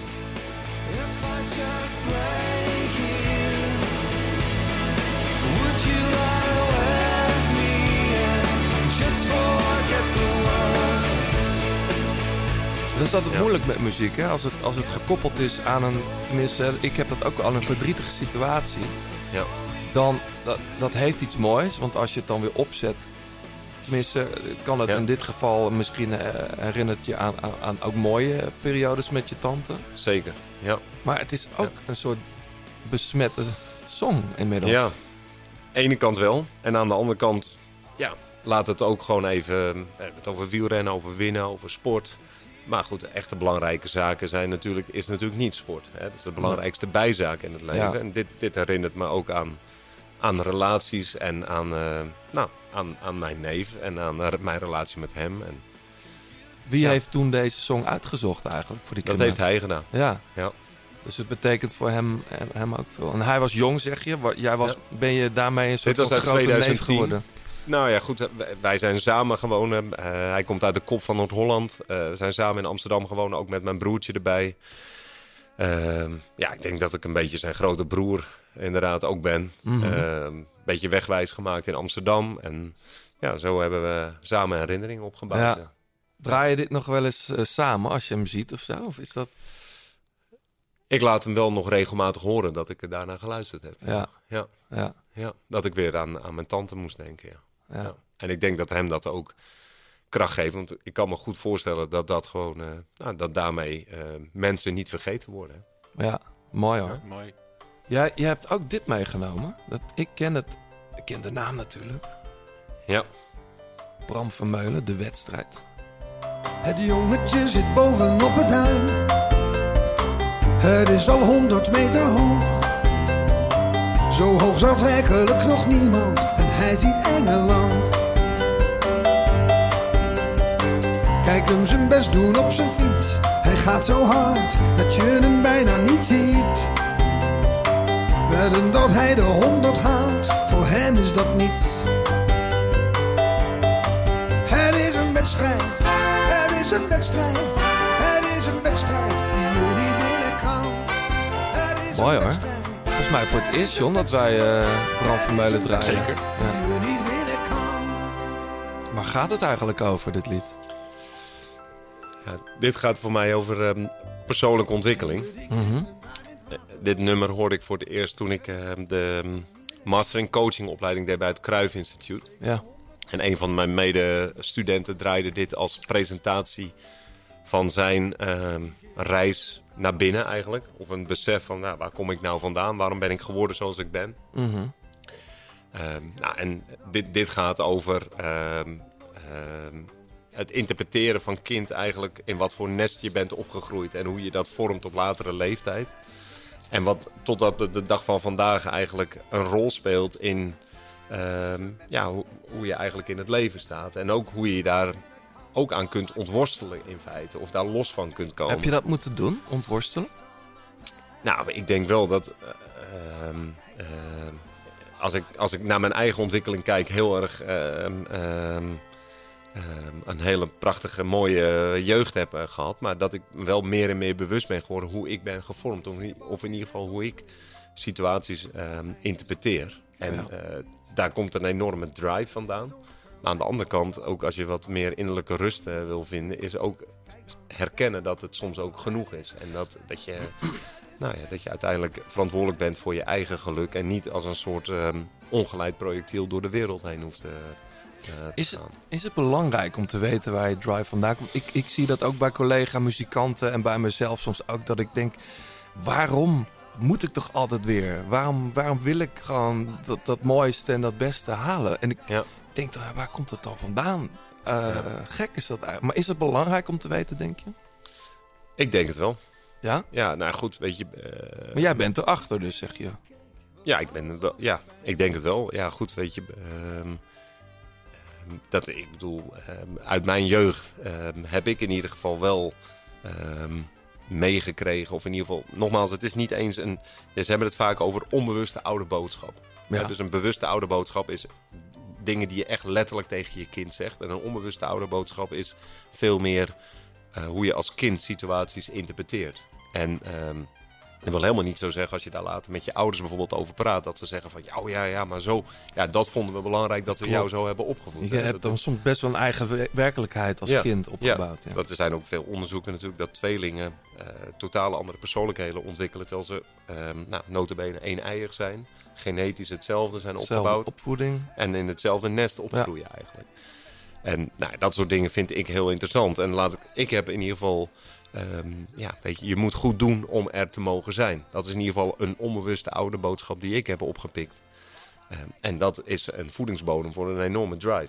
Eh, Ja. Want dan, dat betekent eigenlijk dat iedere dag in het teken staat... wat ga ik vandaag doen? En je brengt het nu als iets positiefs, maar het kan ook tegen je werken. Nee, ik heb dat ook. Ik, ehm, ik had net nog een gesprek met iemand. Dat het, voor mij is, het, is zijn eigenschap, persoonlijkheidseigenschap, een muntje. Je hebt de ene kant en de andere kant. Hè. De, de positieve kant is dat ik nu een leven leid waar ik eh, heel blij van word. Ontzettend leuk vind om te doen.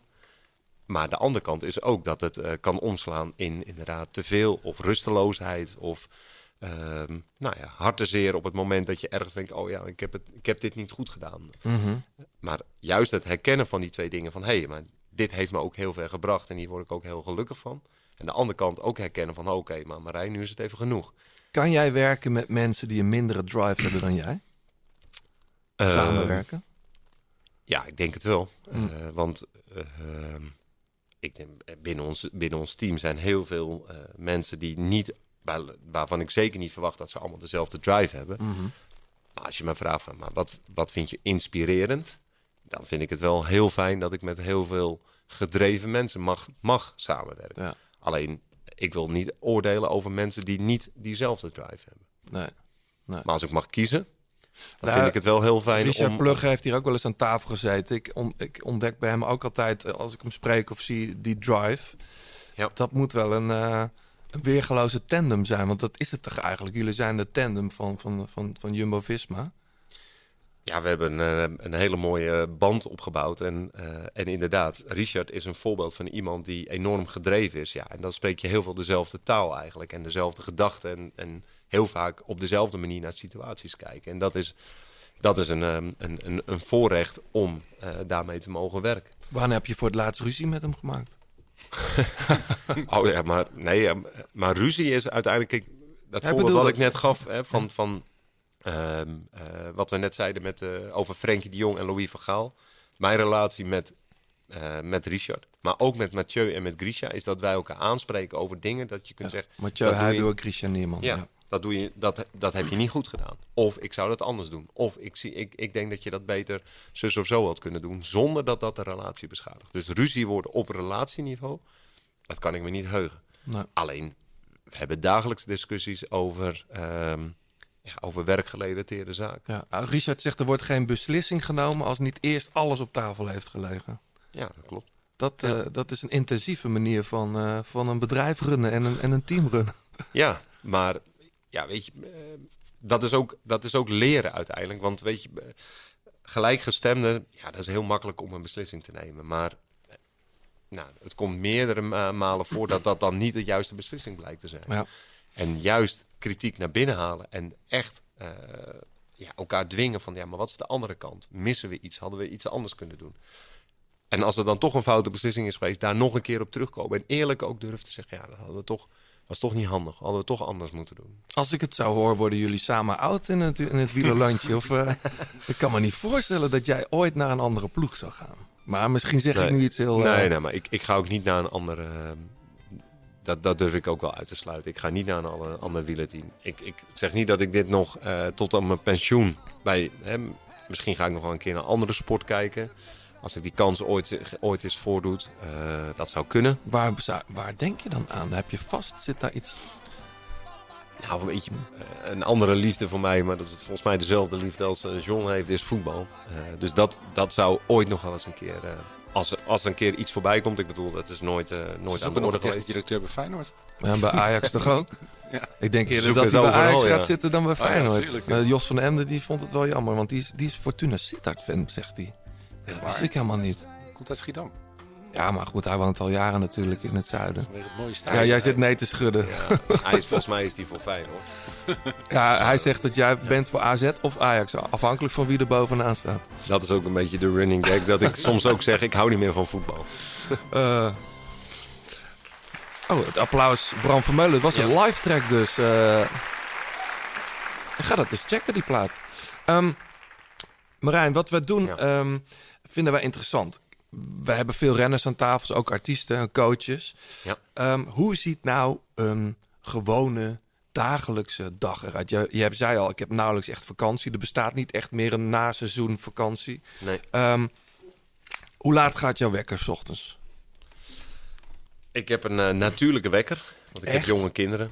Oh, Dus, eh, ja. oh nee, je wordt wel met lawaai wakker bedoel Dus eh, mijn dochter Nina, die kruipt altijd ehm, eh, eh, tussen ons in. S Mhm. ochtends om, ik weet niet eens, want mijn vrouw is altijd vroeg wakker. Maar die kruipt denk ik rond een uur of half zeven tussen ons in. Ja, dat is vroeg. Dan beginnen, ze, beginnen zij met elkaar ehm, eh, te kletsen. Eh, totdat Nina op een gegeven moment zegt, mag ik naar beneden? Eh, nou, en dat is eigenlijk het start zijn dat, Ja. dat bij ons de dag begint. Nou, en dan is het, ja, dan ben ik vader. Dan moeten boterhammen gesmeerd worden, fruit gemaakt. Dat doe je 's ochtends. Ze Dat zijn ook, ochtends. Ik, ik, heb, ik, ben, ik had vroeger ook kleine kinderen, dat deed ik het soms de avond ervoor. Ja. Dat vond ik zo'n lekker idee. Ja. Dat het dan nog klaar Ja, was. ja, nee, zeker. Nou, dat, is, dat heb ik me wel al heel vaak voorgenomen. Maar dat is, dat is er nog niet vaak Nee, van gekomen. Nee. Dus altijd een beetje een race Wel een tegen dikke de tip, hoor. Ja, dat is een hele goede tip. hele goede tip. Ehm, en dan breng ik ze naar school. Ehm, en dan daarna, eh, ja, weet je, dan is het heel wisselend. Soms hebben we een, een eh, ja, tegenwoordig na corona een call. Hè. Dat is Ja. helemaal ingeburgerde Is dat, term. is dat nou goed dat we dat nog steeds, eh, ja, dat we dat nog steeds in stand houden, al Ja. die videocalls? en Ja, ja, ja. Nou, ik moet eerlijk zeggen, ik doe mijn video eigenlijk ehm, eh, nooit meer aan. Nee. Eh, want dat, ik, ja, weet je, ik heb eigenlijk ook gewoon genoeg aan, aan iemands stem horen. Mhm. Dus ehm, ehm, ja, maar de- die zitten er vaak tussen. Wat ik heel vaak eh, probeer, is dat ik mijn afspraken pas, laten we zeggen, rond een uur of elf laat beginnen. Ja. Zodat ik een stukje kan gaan fietsen. Eh, of hardlopen als het, als het niet zo lekker weer Doe je is. dat ook binnen nu met, met de kou en zo? Ga je, heb je ook een tax of zo thuis? Nee, maar dan eh, is wel mijn nu weer eigenlijk mijn voornemen om weer op de mountainbike te Ja, staan. want lekker. ik woon in Bussum, dus daar heb je Heerlijk, prachtige bossen. Hilversum En dat en zo is dat toch? Ja, Ja. ja. En, dus ja, en dan is het eigenlijk nooit koud. Dus, dus zo eigenlijk. En ja, weet je, het is heel veel bellen. Ik eigenlijk de afgelopen twee maanden heb ik heel intensief aan, eh, aan een strategiedocument voor 2023 eh, gewerkt. Dus ja, daar zitten er gewoon heel veel uren achter. Een Ehm, strategiedocument. Dus, dus dat, eh, er wordt ondertussen barista John is koffie aan het inschenken. Ja. ja, dit is een strategiedocument. Dus dat, dat blanco document met die kernwaarden, dat is nog steeds Dat, de is de, heilige... dat, is de, dat is de basis. En, en een, en een, ja, een strategiedocument, dat klinkt eh, natuurlijk een beetje hoogdravend. Maar wat daarmee wordt bedoeld is... ehm, ik heb net de afgelopen maanden met Mathieu, met Grisha, met, met Richard... heel veel gebrainstormd over... Nee, nog, nog een stapje terug. We hebben eerst met alle coaches alles geëvalueerd. Mhm. Wat ging er goed, wat kan er beter? Daar hebben we ook veel renners bij geïnterviewd. Daarna hebben we eh, heel veel gebrainstormd over wat willen we bereiken in Het 2023. gaat over de mannenploeg, hè? Dit gaat over Ja, de mannenploeg, helder, ja. ja. En Rutger Thijssen, die is nu verantwoordelijk bij de vrouwenploeg. Die neem ik daar overal in mee, zodat hij ziet... Hè, zodat bij de vrouwen precies op dezelfde manier kunnen werken als Ja. bij de mannen. Ehm, maar ehm, ja, en dan brainstormen ook. Wat willen we bereiken? Wat willen we veranderen aan onze manier van werken? Waar zien we kansen? Waar zien we bedreigingen? Nou, dat is, ja, weet je, dat, ehm, ja, daar zit uren en uren en uren werk in. Dat vat ik allemaal samen. Dat wordt een, een voorstelstrategiedocument. Daar zijn nu Arthur van Dongen, Frans Mazen, al die Engels, Tim Heemskerk, Mark Lammerts, al die andere coaches, as we speak, allemaal naar aan het kijken. Daar zijn ze hun feedback op aan het geven. Daar zijn we wel mee eens, zijn we niet mee eens. Gaan we volgende week en die week daarna daar met elkaar over in gesprek. Ja. Dan staat iedereen zijn handtekening daaronder. Letterlijk? Ja, eigenlijk letterlijk. Mhm. Ja, ja. Hè, want dat is denk ik een heel belangrijk onderdeel van Jumbo-Visma. Dat het niet is van, oké, top-down en eh, je doet het maar. Maar meepraten, meedenken. is het nu ook van jou? Ja, het is nu ook van mij. Oké, en dan gaan we van start. Mhm. Ehm, nou, en dan gaan we in december gaan we dit met alle, al onze renners bespreken. Komt er ook weer feedback terug. Bent er wel mee eens, bent er niet mee eens, zou je iets anders doen? Nou, en dan maken we het definitief. En dan maak ik in januari, februari een coachhandleiding voor al onze coaches. Ja, want jij bent sportdirecteur, heet dat dan officieel. Maar je bent ook eigenlijk coach. Ik heb soms Ja. het idee dat je bemoeit je overal. Want je hebt zelfs... Je hebt ook gewoon nog renners die je begeleidt met trainingsschema's. Ja, Of- maar dat, kijk, weet je, dat is altijd, ehm, dat is altijd, nou ja, goed, maar, maar- maar jij weet het ook en John weet het als geen ander. Kijk, in het wielrennen is, we hebben geen stadion. Er komt niet iedere dag, kom je naar het stadion en trainen we met elkaar. Wij zijn op vier, vijf fronten actief. Ehm, de Giro is bezig en ondertussen bereiden we de Tour voor. Dus in het wielrennen ehm, ja, probeer je natuurlijk op een bepaalde manier een structuur neer te zetten dat daar eenheid van werk in is. Eh, maar ja, de hoofdcoach, en dat is meer zoals ik mezelf eigenlijk zie, kan niet bij al die evenementen zijn. Nee. En er komt nog eens bij dat, dat er heel veel verschillende of, eh, eh, expertises en disciplines zijn in begeleiding. Ja. Je moet een enorme materiaal-expert zijn eigenlijk. Je moet ook nog eens een keer de beste trainingsprogramma's kunnen maken. Je moet iets van tactiek snappen. Iets van eten, groepsdynamica, voeding, noem allemaal maar op. Dus het is heel veel teamwork eigenlijk. Ja. En, eh, Hoeveel renners eh, begeleid jij nog echt als coach? Vier. Vier, wie zijn dat? Ja. Steven, Mhm. eh, Sam, eh, Timo Rozen en nu Jan Tratnik is daar nu bij. Ja, Ja. Zo, die, is er volgend jaar voor het eerst bij. Ja. Brommetje erbij.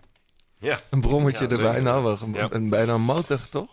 Ehm, en, en, maar en in een normale dag tijdens een seizoen, spreek, spreek jij die dan dagelijks of hoe gaat Ja, dat? je- net toen je het over de Garmin had, eh noemde je even Training Peaks. Dat is natuurlijk een, voor ons een heel belangrijk communicatiemiddel. Mhm. Dus de jongens hebben getraind. Die geven hun feedback op die eh, site eigenlijk. Eh trainingsprogramma's staan daarop. De, de bouwdata wordt daar ge- geüpload. Dus ja, dat is voor mij zo dagelijkse kost om te communiceren met, met deze vier jongens. eh, om, ehm, nou ja, om gewoon te kijken van hoe loopt het, hoe gaat het, hoe is de training gegaan, zitten we nog op de goede weg of niet.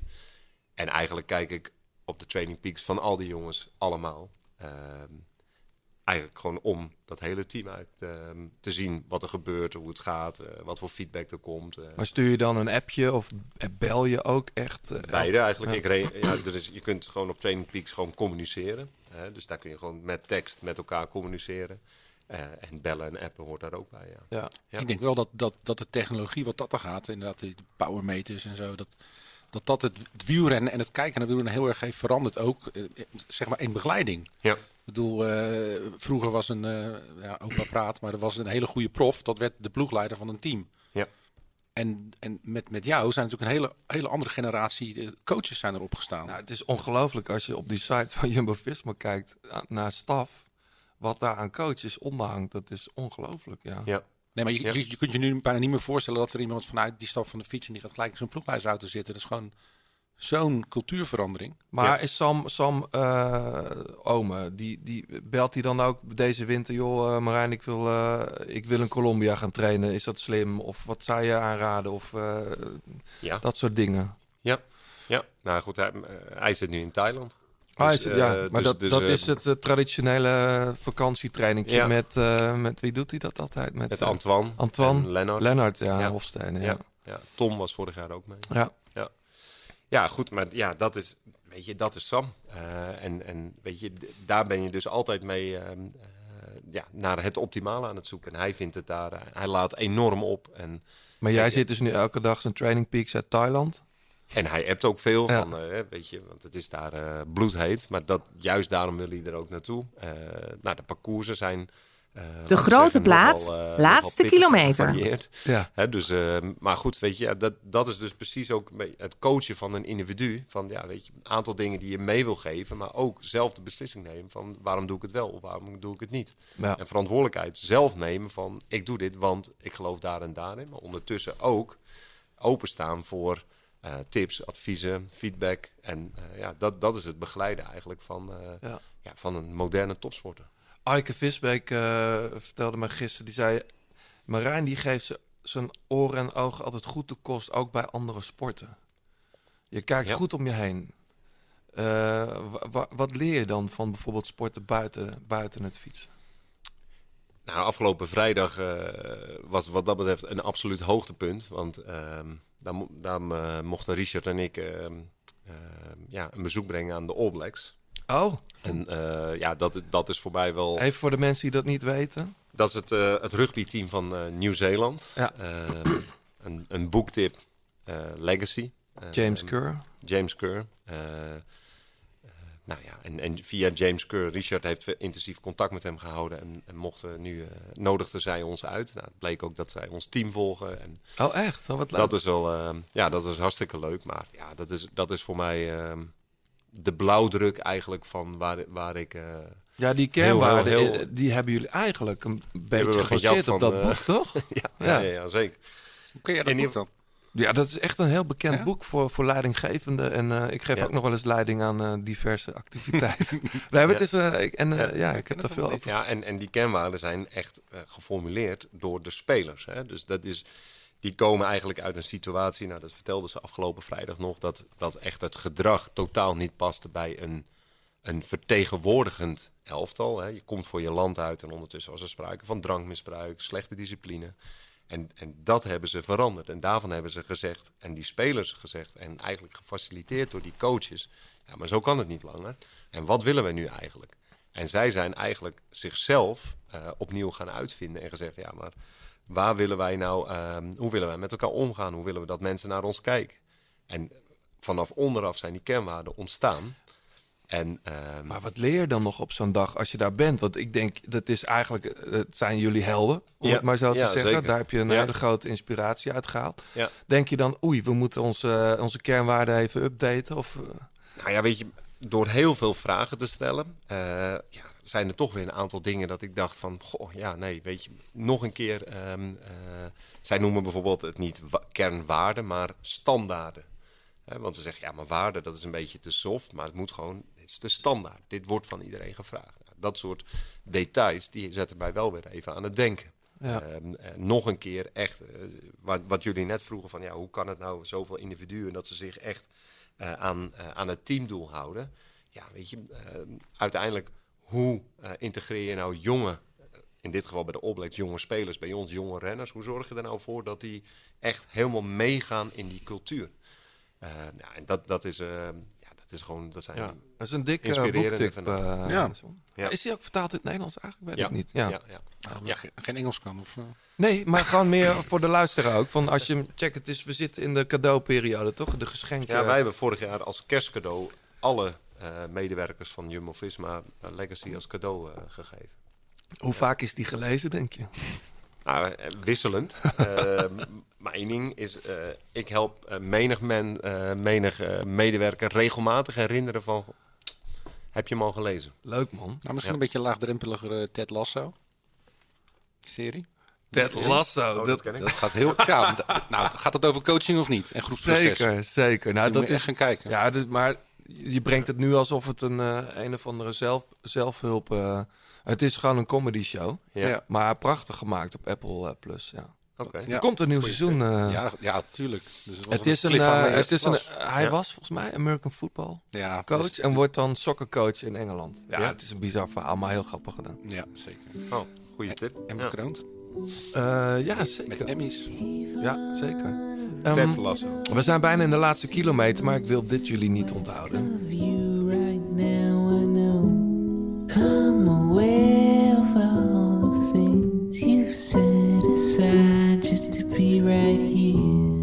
Unavailable to most, but for you I am always there. A hopeless square. En dit is eh, King. Eh, mensen zouden hem kunnen kennen als Frank Dukes. En misschien zegt jou dat wel wat, eh Ja. John, want dat is ja, een grote producer. Van Ghostface Killa, onder andere Bad Bad Not Good, eh, The Weeknd, Drake. Heel veel eh, geproduceerd. Hij heeft nu een nieuw project. Volgens mij is een langdurige relatie eh, eh, naar de Filistijnen. En die- deze plaat gebruikt hij om daarover over te schrijven en van zich af te schrijven. We're Here, My Dear. Echt de moeite waard. Er, er komt een hele plaat vanuit King, heet het. Die schrijft G-I-N-G.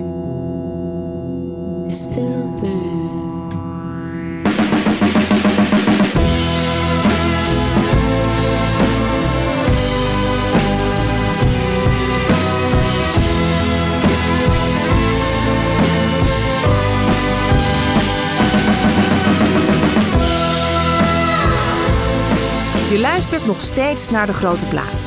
Alle liedjes in deze en vorige afleveringen luister je in zijn geheel terug in de playlist De Grote Plaats Songs op Spotify.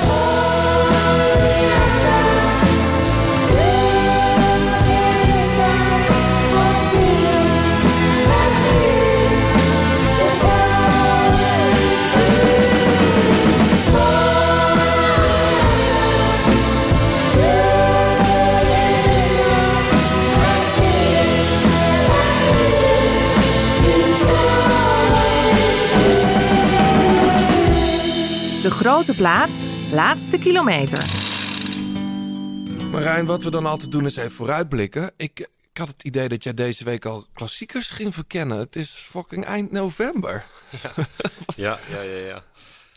Ja, dat klopt. En dat, dat soort dingen komen bijvoorbeeld uit evaluaties. Hè? Want het is, ja, het is november, het is december, het is slecht weer. We hebben nog tijd, maar ehm, als je eenmaal in zo'n profseizoen eh, zit, dan is er geen tijd. Want Maar ga je dan met renners?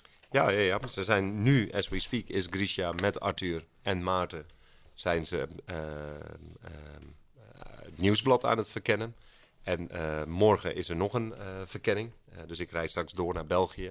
Vanavond ga ik met die groep de doelstellingen voor 2023 eh, bespreken. Ga ik ze Ja. ehm, een mooie video laten zien ter motivatie. Ehm, Wat, wat ben je van plan om te gaan laten zien?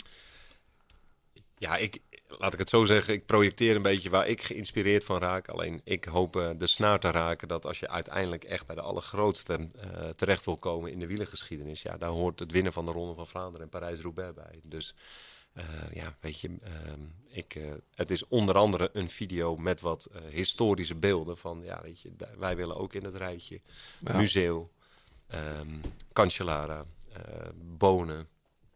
Nou, en, en, en ehm, dat is ook nog, dat is nog wel geinig. ehm, en nou, eh, Frans Mazen, die Mhm. kwam er ook nog in voorbij. Die werd net ehm, eh, dat jaar geklopt en werd tweede in de Ronde van Vlaanderen. Dus die zit ook in die video. Ja. Ehm, maar goed, ja, weet je, om ook eh, die snaar te raken. En ja, weet je, daar, ehm, zeker ook in deze maanden. Kijk, je wint pas de Ronde van Vlaanderen en Parijs-Roubaix. Maar dan begint het vandaag. En, Maar ga je ook echt al fietsen daar met, met de Ja, ja, zeker, zeker, Want ik ja. denk een omloop, ja, het, het wijzigt wel eens. Maar zitten er dit jaar dan, of ja, maar is, daar hoort ook allemaal eh, het testen van wielen bij, Ja. het testen van banden, eh, ja, materiaaltesten, eh Ja, maar bandendruk testen. jullie zijn bij Shimano weg. Dat is eh, onze vaste sponsor. Maar dat, eh, dat zal wel wennen zijn voor de boys. Ja, ja, zeker. Maar dat hoort daar dus ook bij, om, dat, eh, om daar eh, aan te wennen. Ja, Ja. leuk. Hey, en verder deze winter, hoe ziet de winter eruit? Ik begreep, want ik eh, probeerde Gijs Leemreis al in de, in de show te krijgen. Dat gaan Ja. we zeker doen, maar die Ja. moet ook nog op trainingskamp. Ja, dus eh, nou, donderdag hebben wij een dag met alle mensen van Jumbo-Visma. eh, een cultuurdag, eh, zoals we dat nu noemen. Eh, maar s'avonds een feest om het succes van 2022 te vieren. Maar ook Ja. afscheid te nemen van bijvoorbeeld jongens als Mike Teunissen. Dat vinden Mhm. we heel belangrijk om goed afscheid te nemen. Ja. Vertrekt Eh, naar Intermarché, want ja. die groep Colbert. Ja. Nou ja, goede vriend Eike Visbeek. Ja, Ja. ja. heeft hij goed gezien. En nou ja, weet je, maar dat, dat eh, onder andere Mike, maar dat ook eh, verzorgers om mechaniciëns, iedereen die vertrekt. Mhm. Het zijn er gelukkig niet veel, maar een aantal mensen die gaan we echt even in het zonnetje eh, zetten. Ehm, een cadeau voor alle, voor alle medewerkers. Een heel mooi cadeau kan, kan ik uit. Ja, dat kan ik Kan je wel zeggen, want hè, dit wordt later uitgezonden. We krijgen een, ehm, een ingelijste eh, gele trui. Allemaal omdat wij ons ook ten doel hadden gesteld om een gele trui organisatie te worden. Eh, dus op iedere positie gele trui niveau. Nou, Mhm. eh, het is, eh, die gaan we nu ook daadwerkelijk uitreiken. En een, eh, een groene trui krijgt iedereen cadeau. Dus dat gaan Jonas en Wout doen. Juist ook om te laten zien van ja, weet je, dit, dit is- gele trui is ook een klein beetje van jou. Hebben Mhm. met elkaar gewonnen. En de groene trui. Ehm, nou, en dan eh, negen, of nee, zeg ik niet goed, 12 december vertrekken we naar Denia op trainingskamp. Ja. Ja. ja, dat is de dag dat deze podcast online staat. Dat is ook Eh, mijn verjaardag. Nou, Alvast gefeliciteerd. Eh Denia, en dat is, ehm, ja, dat is, nog, dat is niet in de, in de bergen. Dat is nog... eh, Een klein beetje, beetje hè? Dus ja, in de precies. buurt van, van Calpe. Ja. Bekende. We gingen eigenlijk in december altijd naar eh St. Feliu bij Girona. Eh, mooie plek, maar wilden echt weer even Iets wat meer, nieuws. iets meer zongarantie ook, denk ik. In Dat Denia. ook. Het is even wat warmer, ook, maar ook gewoon weer even. Kijk, je zit er daar net aan de andere kant. Wij zitten normaal altijd in eh Mouchamel, waar Bouke heeft eh, gewoond. Ja. Eh, dan, dan kom je eigenlijk, laten we zeggen, tot de Tudon. En dan moet je weer terug. Nu zitten we eigenlijk aan de andere kant. En dat is toch weer net weer even een ander gebied. En nou, dat ik denk ik ook dat dat verfrissend is. Voor, Is dat ook het typische trainingskamp waar de persfoto's worden gemaakt? Of, of is dat pas later? Ook, dat hoort er ook bij. Maar eigenlijk, dit is het trainingskamp dat we echt al die individuele gesprekken met al onze renners hebben. Ja. Eh, dat is echt het allerbelangrijkste. En is dat zeg maar, ik vond dat vroeger toen ik ook toen ik als jongetje ook voetbalde, dan die eerste training na, de, na het zomerreces. Ja, veel jongens gingen natuurlijk al hardlopen en een beetje, dat is toch een beetje spannend, want je gaat dan, je krijgt die eerste heuveltjes. Ja, ja. En dan wil je toch even voelen hoe, hoe het ervoor staat. Ja, maar ook dat is erg veranderd. Ja? Ja. Want dat was inderdaad wel zo. Dan ging je een beetje met angst en beven naar zo'n trainingskamp. En dan dacht je van, nou, eh, hoe staan we ervoor? Er zit geen Jan Oerig meer bij. nee, dus ja, ze zijn allemaal al een maand bezig dan. En dat zijn allemaal trainingen die passen allemaal in het plan. En, en eigenlijk, weet je, het, het vroegere meten of koers op training, dat bestaat eigenlijk niet meer. Nee, het is misschien allemaal... bij Mobistar nog. Misschien wel, eh, maar bij ons, bij ons niet. Nee, dat is echt, ehm, ja, weet je, ja, misschien wel een beetje, eh, heeft het ook wel ergens zijn charme verloren. Dat zou best kunnen, maar ja, dat is zodanig geprofessionaliseerd. Nee, maar er worden is- toch nog wel bordjesprints gedaan tijdens die... eh, of, Niet zoveel meer, nee. Mm, Nee. Saai. Ja, een beetje wel eigenlijk, ja, nu je het zo zegt. Hey, ehm, eh, in de laatste kilometer blikken we vooruit. Ik wil toch nog een paar namen noemen. Ehm, vorig jaar, dit jaar eigenlijk 2022, Koen Bouwman. Die, die zat er al aan te komen. We hebben het er met Plug ook nog over gehad. Ehm, een soort stijgende lijn heeft hij te pakken... die als je er dicht bovenop zit wel ziet. Maar mensen in het publiek denken toch... Huh? Wat, wat doet hij daar ineens in de Giro? Ja. Hebben hem vorig jaar natuurlijk eh, voorbij zien brommeren door... eh, was dat eh Bernal nog in de Giro? Ja. Op dat, op dat grind. Dit jaar pakt hij gewoon twee ritten en de bergtrui. Ja. Jij hebt na die Giro tegen hem gezegd van... Ga, ga jij maar eens nadenken over wat je nu wil. Ja. Ehm, wat is zijn volgende stap? Nou, ik denk dat ik heb die vraag aan hem eh, gesteld. En daar eh, heb ik ook regelmatig al met hem over gesproken. Ehm, en, en weet je, kijk, Koen is, is echt wel een, eh, een bijzondere, bijzondere man natuurlijk. Ehm, omdat hij, hij kan soms veranderen in een killer. Die tweede etappe zoals hij daar wint en hoe die, die, die, die bocht doorvliegt. Ja, dat is niet de brave jongen meer uit... eh, Heerlijk. Ik vond dat fantastisch. ja, absoluut. Hè. Dat, dat, dat- ja, hij rook bloed en eh, prachtig om te zien. Het is een racer geworden. Absoluut. Ja. Ja. En aan de andere kant, wat Koen ook geweldig eh, eh, vindt, is eh, naar een grote ronde gaan. Bijvoorbeeld naar de Tour of naar de Giro. Eh, en daar voor de eindoverwinning gaan. Daar haalt hij ook heel veel voldoening uit. Dus ja, bij hem moeten we echt de balans zien te vinden tussen de allergrootste wedstrijden rijden. En bij een team als Jumbo-Visma betekent dat ook ehm, in een dienende rol. Oh, maar dat gecombineerd met wedstrijden waar hij ook echt voor zichzelf eh, kan gaan. En ik denk Het dat lijkt me geen jongen die, die niet dat het bij jullie in de ploeg hoeft, als ik het zo hoor. Maar die met zijn vuist op tafel slaat en zegt: Ik wil meer vrijheid.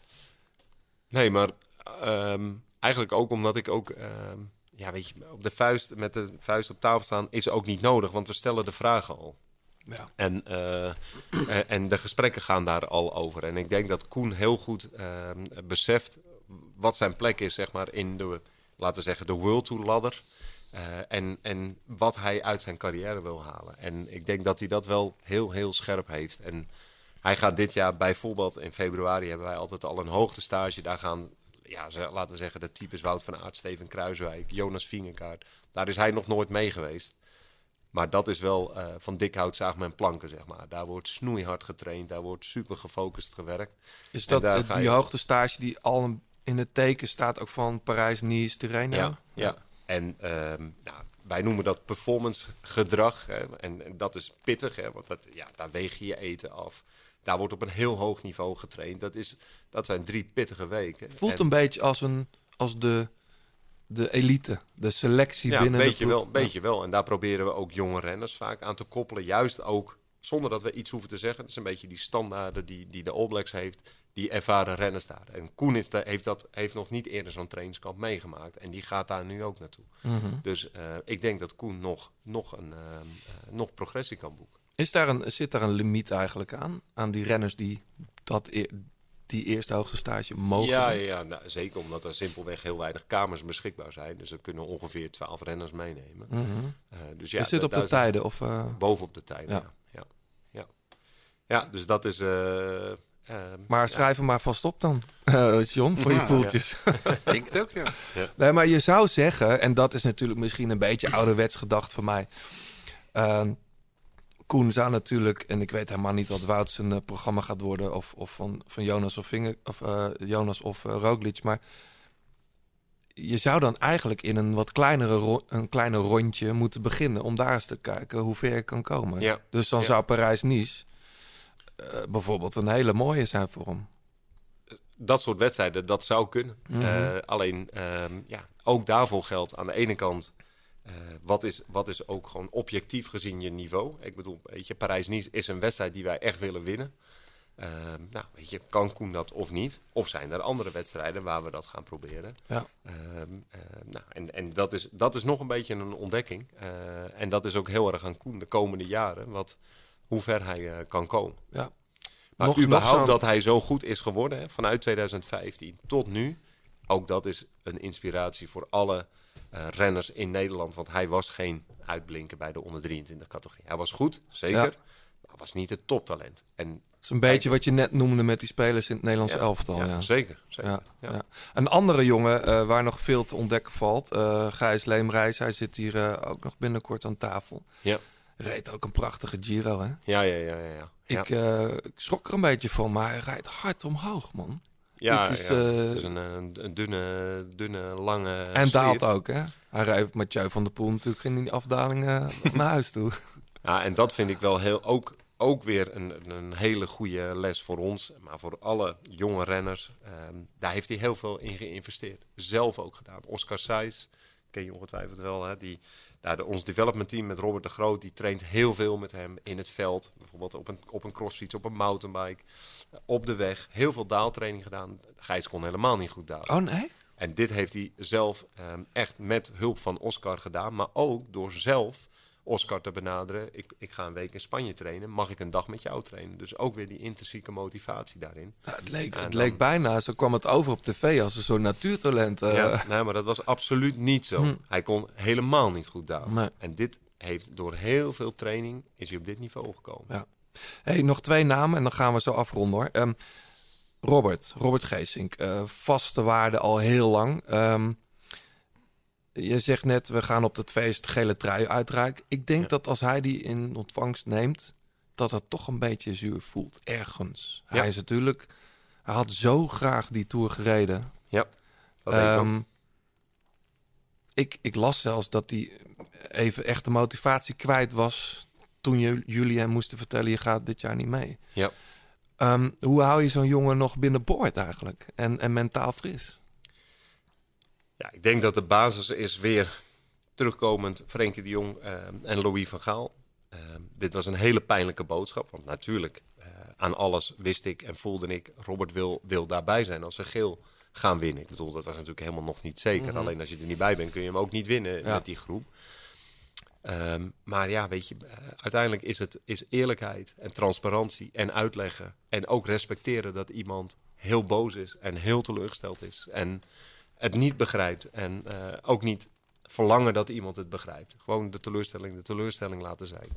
En ik, op menselijk vlak, voelde ik natuurlijk volledig met hem mee. En begrijp ik het ook heel goed. En aan de andere kant is het ook in dit geval mijn verantwoordelijkheid om het beste team eh, op te stellen. En eh, in dit geval eh, kreeg een ander de voorkeur boven hem. Neem niet weg dat het heel, heel pijnlijk is om zo'n beslissing te nemen. Ja.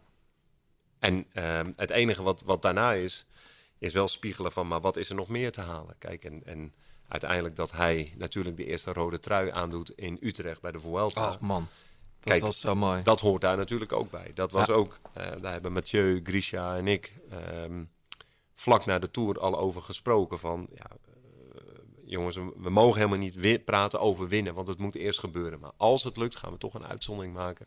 En Robert moet als eerste over de streep. En- Nou, ik, heb, ik stond erbij toen, toen de ploeg zeg maar, het schavot opreed. Ja. En van alle ploegen eh, was Jumbo-Visma zo in een soort hyperfocus. Want ik ken een aantal jongens. Nou ja, iedereen zat helemaal in de focus. Er werd, er, er werd niet omgekeken, niet gelachen ook. Het was, Terwijl andere ploegen zag je gewoon aankomen. Ook, ook Quickstep. Ja. En dat was, die waren, natuurlijk komen die daar ook om te winnen. Maar dat was toch een ander verhaal. Ja. toen dacht ik, er zit hier wel een plan. En dat Ja. eigenlijk was het gewoon Robert aan, in het rood krijgen. Ik denk dat iedereen in die groep, die renners die daar waren, allemaal heel, heel, heel graag eh wilde dat Robert die rode trui aan zou doen. Mhm. En Primos eh, voorop. Ja, hè? Ja. Mooi. Ja, Maar- zeker. En een heel mooi eerbetoon, denk ik. Maar was, het, was het in dit, dit, dat, dit niet selecteren voor de Tour, die boodschap die je dan geeft, heb je het zelf gezegd, gezegd? Ja. Dat lijkt me extra moeilijk, omdat jij hebt natuurlijk wel een speciale band met hem. hè. Ik kan me goed herinneren dat je, dat je vol schoot toen hij zo goed reed Tour, Ja. was dat geloof ik? Dat Hij was eigenlijk de eerste, eh, het bewijs van de wederopstanding van de ploeg. Ja, ja, ja, zeker. En ja, eh, weet je, eh, dus als coach eh, word ik ook heen en weer geslingerd tussen gedachten en, en gevoel van loyaliteit. En aan Ja. de andere kant ook ehm, een beslissing nemen waarvan ik, ja, en die ik niet alleen neem. Hè, want eh, Nee. ik, ik bedoel, ik bevraag al mijn collega's daarna. We maken met elkaar een plan. Dat is van ons allemaal. Alleen ja, dit zijn natuurlijk de on, ja, dit zijn niet de krenten uit de pap. En dit, eh, het gesprek wat ik, wat ik met Robert heb moeten voeren van ja, jij, jij gaat niet naar de Tour. Ja, dat kan ik nog goed herinneren. Alleen uiteindelijk eh, zijn ook een aantal kernwaarden die ik zelf heb. En dat is dat ik mezelf altijd recht in de spiegel aan kan kijken. Mhm. En ook accepteer dat anderen heel teleurgesteld zijn. Ehm, maar dat ik het wel naar eer en geweten een beslissing neem. En ehm, ja, weet je, en, en dat, dat is natuurlijk heel lastig met, met sporters die ouder worden. Ja. Uiteindelijk ehm, weet ik ook als coach en weten wij allemaal, er komt een moment dat eh, een jongere renner eh, eh, die oudere renner voorbij gaat. Alleen eh, herkent die oudere renner ook dat het, moment dat die jongere renner jou voorbij gaat. Ja, dat is moeilijk, vaak hè? natuurlijk niet zo. En dat Volgend is, eh, jaar is zijn laatste jaar, denk ik. Tenminste, het contract loopt tot en met 2023. Ja, Als- en of het zijn laatste jaar is, dat, dat, eh, ook dat vraag ik aan hem. Dat weet hij ook nog niet. Nee. Dat is, dat is, daar nemen we ook de tijd voor. Kijk, weet je, voor het allerbelangrijkste, maar daar hoort die rode trui in de Vuelta ook bij. Weet je, ehm, geen toekomst zonder je geschiedenis. En, en Robert heeft natuurlijk een hele belangrijke bladzijde van deze Ja. ploeg geschreven. Ja.